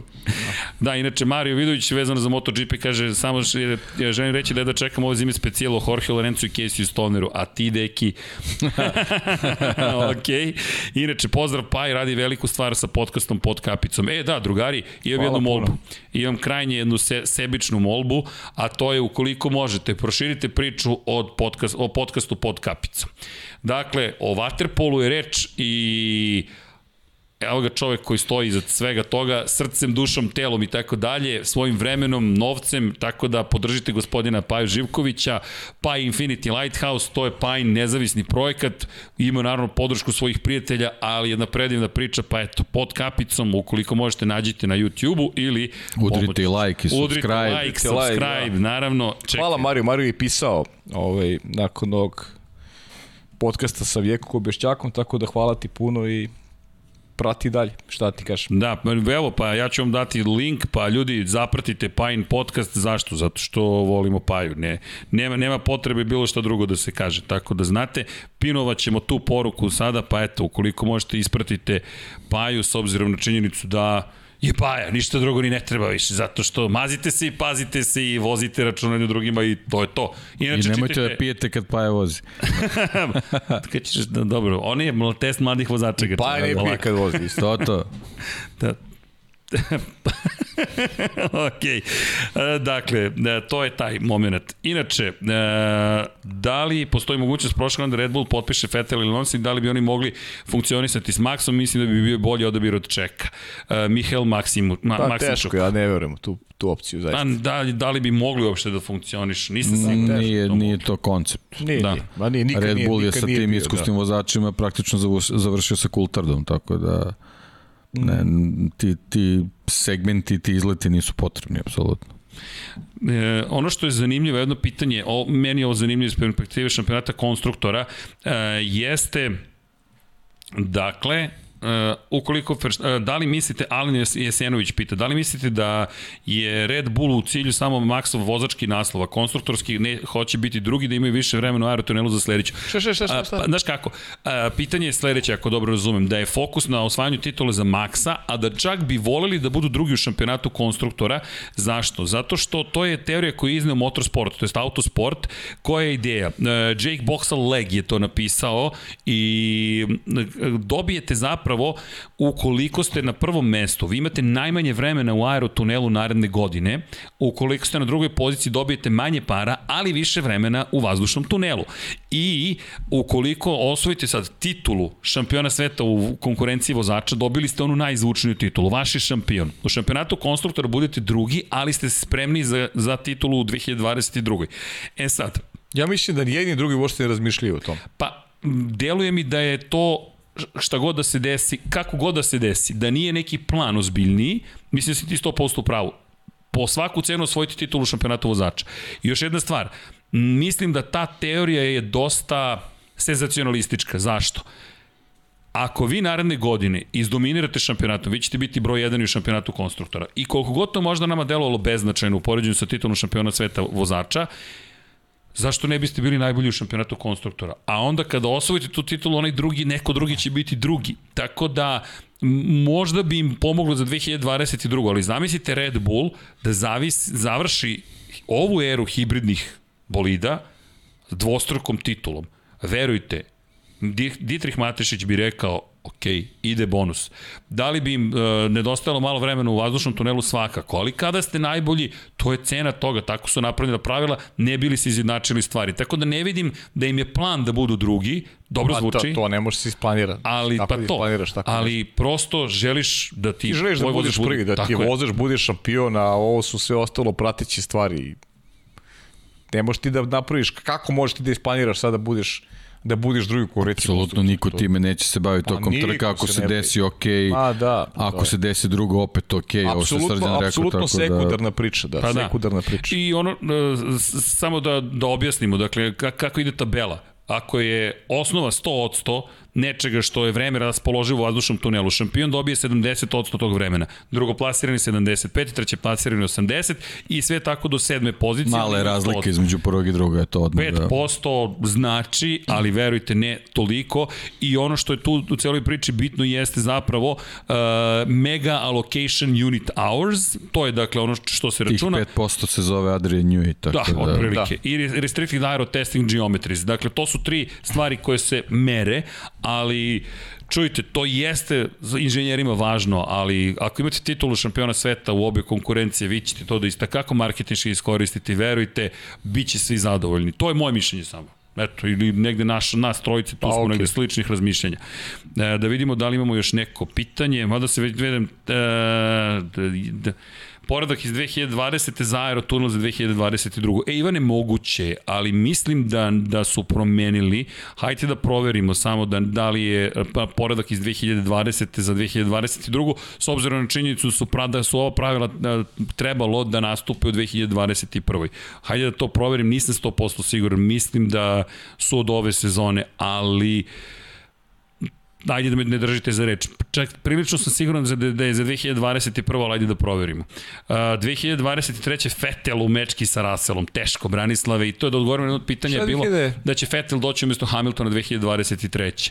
Nisam siguran. Fetel je kupio udeo u Aston Martinu, mada je i Mercedes kupio udeo u Aston Martinu, pa ćemo vidjeti. Inače, Aston Martin je odvojio još jednog čoveka iz Mercedesa. Tako da se shopping e, i dalje događa na sve strane, Mercedes i dalje nastavlja da gubi ljude, tako da mi ne znamo kakav nas Mercedes očekuje u budućnosti. Ljudi, ovo je veliko nasledđe na kojima počeva uspeh ove godine, ali mnogo ljudi je izgubljeno znaš u ekipi mislim, Mercedes. To je ono što smo s početka podcasta. Kolo sreće se okreće, ne možeš ti budeš dominantan. Nijedna ekipa nije bila dominantna u Formuli 1 celu jednu dekadu.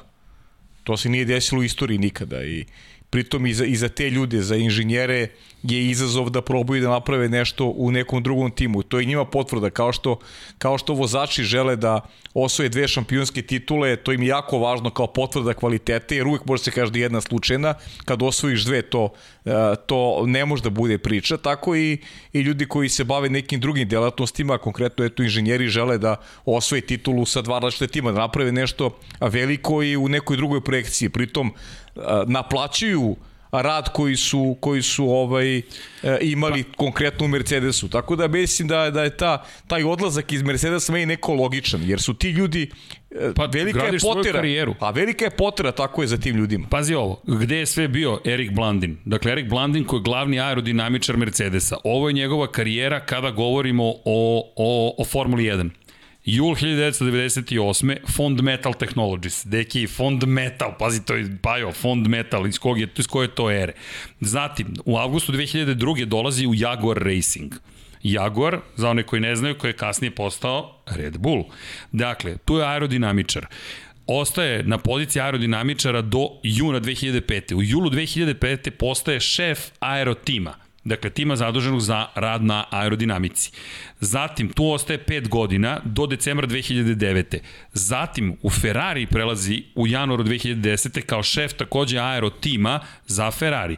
Tamo ostaje, zanimljivo, samo godinu i Čekaj, po. od Jaguara je Od Jaguara je ostao u Red Bullu. i sve vreme je drugo, znači Tako je. Adrian Newey. Adrian Newey škola, tako je. I on odlazi u Ferrari, tamo jednu Bobby Rahal i Adrian Newey. A pazi To sad je ovo, ta tako je, veza, tako da. je. A pazi sad ovo, u aprilu 2011. odlazi gde? U Mercedes. I tu je glavni aerodinamičak, principal aerodinamicist, tu je od maja 2011. do avgusta 2017. I zatim šef aerodinamičara, chief aerodinamicist, to je da dakle, pr, pr, glavno komandujući, ali ima i tim ispod sebe, od septembra 2017. Dakle, u Mercedesu je bio 10 godina.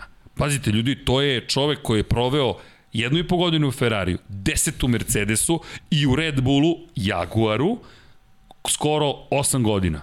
Mi govorimo o preiskusnom čoveku koji poznaje Ferrari iznutra, Red Bull iznutra, koliko god da se menjaju neke stvari i principi Da, znači pobedničke godine Red Bulla, pobedničke godine Mercedes. Mercedesa. Da. I nije bio loših godina u Ferrariju 2000. Sad je vreme da naplati se. Tako je. Ko sad ima pare? Aston, Aston Martin. Martin. I koji shoppinguje. I ti sada ideš i sad zamisli ako je Adrian Newey njemu bio šef i ti si celog života u š... Ko je čuo za Erika? Ko je čuo za Erika Blandina? Jel neko čuo za Erika Blandina? samo pročitamo kao jedno od imena na spisku. A kada kažeš Adrian Newey, ima potpis tokom prenosa uživo. Adrian Newey, glavni, to je direktor, čovek koji je veliki car. I sad zamisli, odrastao si u njegovoj senci, stekao profesionalnu karijeru i imaš šansu da napraviš pobednički bolid sa Aston Martinom. To je san svih snova, jer tako je išao i, jer koji je motiv bio da iz Leighton House ode u Williams Adrian Newey. Motiv je bio da postane pobednik. To je učinio sa najmoćnijim ekipom u tom periodu. Onda je rekao, ali u Williams sam stigao na gotovo. I to u ekipu koja je pobednička. U McLaren sam otišao na gotovo, ali u tim koji nije pobednički, pretvorio sam ga u pobednički. U Red Bull sam otišao zato što nije imao ni pobednički tim, niti je bilo bilo šta gotovo. I sve je uspeo. I zato što je Red Bull znao koga mora da kupi da bi nešto radio. Tako je. I sad, I imao je novac u tom Tako trenutku. je. A Eric Kao što Landin- imao Mercedes, kao što sad ima Aston Martin. cenim da će imati lepu kuću na rezeru Como, kada dođe vreme za penziju, a umeđu vremenu zamisli stvoriš nešto od Aston Martina. I u biografiji ti piše Jaguar, Red Bull, Ferrari, Mercedes, Aston Martin. Hvala lepo, Od doviđenja. Jagora do Aston Martina, Pun krug. pun krug. Eto. E, koji, Neki ko je ta, i taj po garaži. Da. Lepo to može da bude, da. Šta? E, neko traži da blokiramo nekog provokatora. Čekajte, nisam uhvatio ko A dobro, provokatora. ajde, ajde. Nismo bajamo. pratili. Evo se bajam Da. provokatorom, ajde, Da. Vozili smo, nismo imali vremena da Ajde, gledamo. ne budemo. A Znaš kako, znaš kako oni, oni prenose kad ide utakmica, kad neko istrči go, recimo na stadion, pa, pa ga ne snima promene kamera. kadar, da. da. Promeniš kadar, tako i ti promeni kadar, mislim, nebitan je provokator. Zašto mu dajemo znači? Pa da, pa dobro, ako bude baš prešao granicu. Pa, mislim, ne, ne, Udari novu anketu, neće se videti. ne to. na znači doviđenja, Da, tako to je. je to. Inače, Igor Der pita da li vam nova staza liči na stazu u Vijetnamu.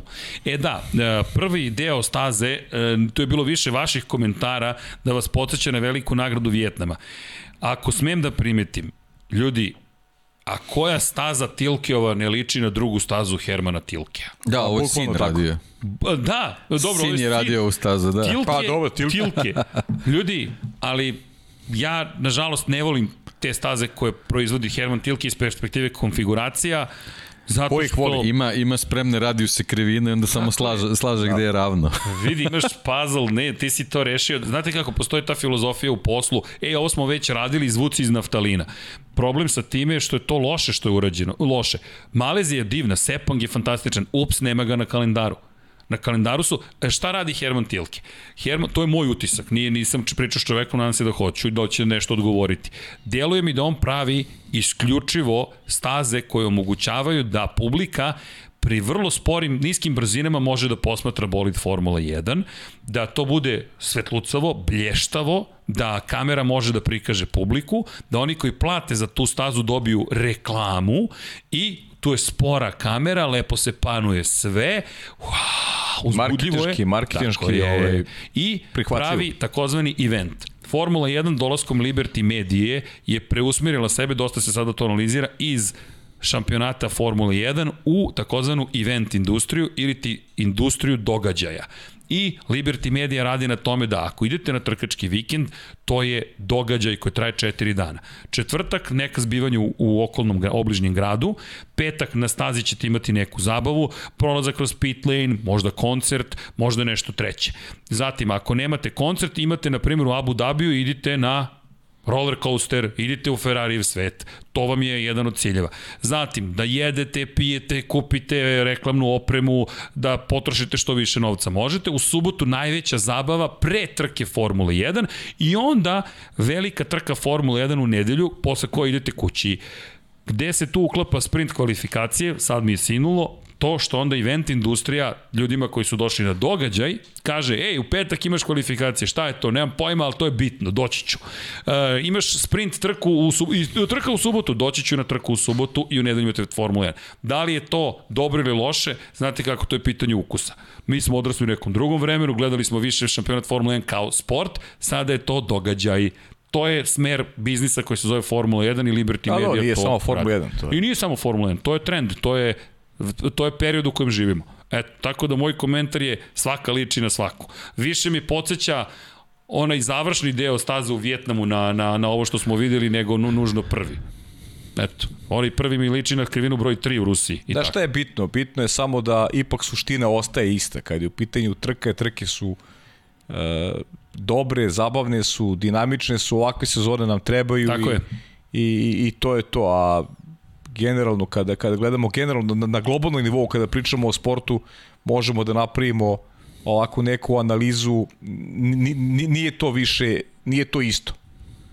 Sa, sada se mnogo više daje na značaju to marketičkom delu, uh, sve mi nekako izgleda apsolutno, apsolutno E, posvećeno toj činjenici, ajde da, da, da mi napravimo od toga jedan happening koji će u kome će e, mase uživati na popuno drugačiji način, ali opet jedna tema za, za širu analizu. Da. Da, da se sad ne, da se, da se ne upletemo. Da se ne upletemo Imamo završenu sezone koja je savršena. E, nemoj samo da zaboravimo, da ne zaboravimo Formulu 2. Da, e da, ajmo Formula 2. Ljudi, imamo veliku završnicu. Još šest trka do kraja.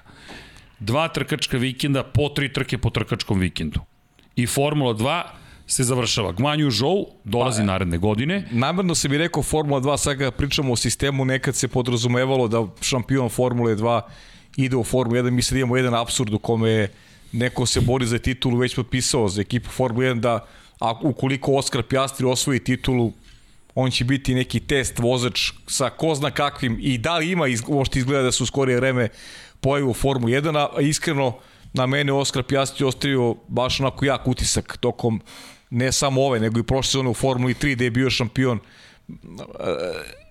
Kada pričamo o pojmu samo sportskom nekom, iz mog ugla Oskar Pjastri je taj koji zaslužuje da se nađe u Formuli Da, ne postoji vrhunska nagrada iz Formule 2. Ne postoji, nikakva da. nagrada ne postoji za, os, za osvojenu šampionsku titulu. Moj tip jeste Pjastri će do kraja osvojiti, osvojiti šampionat, ali on od tog šampionata neće imati ništa neće imati prohodnost kao što su imali recimo George Russell, opet i Russell koliko je dugo čekao na pravu da šansu. Šampion Formule 2 po pravilniku ne može da ostane u Formuli 2. Ne može da ostane u Formuli 2 i to je, to je još jedna glupost u pravilniku, mislim da je to, to ortodoksna glupost. Tako da, eto, Pjastri, Pjastri, Žou, mislim da se tu vodi glavna priča oko, oko šampionata, ja prednost dajem, prednost dajem Oskaru Pjastri.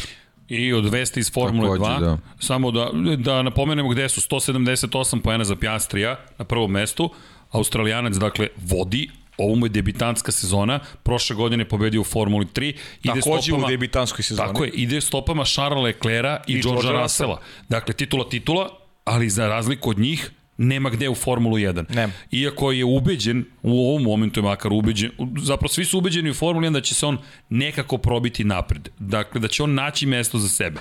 Ali, kada pogledamo kada će to biti, bez obzira što Esteban Okon, njegov, su, njegov ne su narodnik, prosto čovek koji dolazi iz Francuske, ubeđen da će se probiti Oskar Pjastri negde. Ljudi, kada probu tajming, priča se o tajmingu, stalno pričamo o tajmingu, kada propustiš vozić, pitanje kada će ti se ta vrata otvoriti ponovo. Moraš da imaš ozbiljnu podršku da bi se probio napred. I kada kažemo ozbiljnu, moraš da imaš bukvalno čoveka na pravom mestu u pravo vreme. Pritom ne poredim ga sada sa Valsekijem, jer mislim da je talentovaniji. Talentovaniji vozač Čorske Pjastri, ono, nesumljivo je talentovaniji. Pritom da ne bude zabune, Pjastri je deo ozbiljnog sponzorskog paketa, znači nije vozač koji, koji nema, podršku. nema financije, nema podršku da. i tako dalje. Nije, nije tikva bez korene. Što, da, nego eto jednostavno se dešava takav splet okolnosti da jednostavno eto nekako u pogrešno vreme na pogrešnom mestu. Jeste. To, to je momak koji inače pripada Alpininu i trkačkoj akademiji. Dakle on ima podršku Renaulta. Pa tu će biti test vozač naravno. Tako je, ali mi govorimo, pazi, on je osvojio 2019. Formulu Renault. Eurocup mu je pripao. 2020. Formula 3, 2021. I, verovatno pa, Formula 2. Pa, dobro, Šta više želiš od čoveka? Ajde, ako osvoji Formulu 2, 3 godine, 3 titule. I, i, i šta, šta on treba da uradi da bi zavredio da, da se pojavi u Formuli 1? Pri čemu uh, u Formuli 4 Britanskoj je bio vice šampion. Ljudi, on 2017. je to učinio. Jedino 2018. nije bio na prve tri pozicije u šampionatu sveta. Kada je s Ardenom bio osmi u šampionatu Formule uh, Renault. To je to. Više od toga ne možeš da postigneš. Ali, eto, tko, je- to nam je pogled na Formulu 2. Biće uzbudljivo trkanje. Gledajte Roberta Švarcmana, potvrđeno je da će Robert Švarcman koji ima Ferrari u podršku voziti na mladom testu vozača, dakle, bit ćete zajedno. Dakle, Robert Švarcman stiže, test od mladih vozača u Abu Dhabiju, to nije šala, to je ozbiljna prilika da, da testirate Formulu 1. Den Tiktum, vodite račun o Denu Tiktumu. Odlična se, godina, Odlična, odlična godina za godina. njega, može da se bori. sazreo je. I naravno Teo Puršer, pozicija broj 5, Teo Puršer koji je zabeležio dve pobede ove godine. Mislim da će on igrati glavnu To, ulogu. to je ta priča, Oskar Pjastri koji će biti test voda. Šta ćemo s Teom Puršerom? Ne znam. Mladi Ali, Francuz, ali Teo odličan. Puršer za njega je bolje što da ove godine ne bude šampion, Da. da, vozi naredne godine Formula 2, Formula 2, on i Formula 3 nije bio šampion, bio je vice šampion i ozbiljan kandidat da osvoji titulu na kraju godine, čak i bolje vozio od Oskara Pjastri, ali je falo par poena da, da uzme šampionat kao tinejdžer, kao, kao maletna osoba.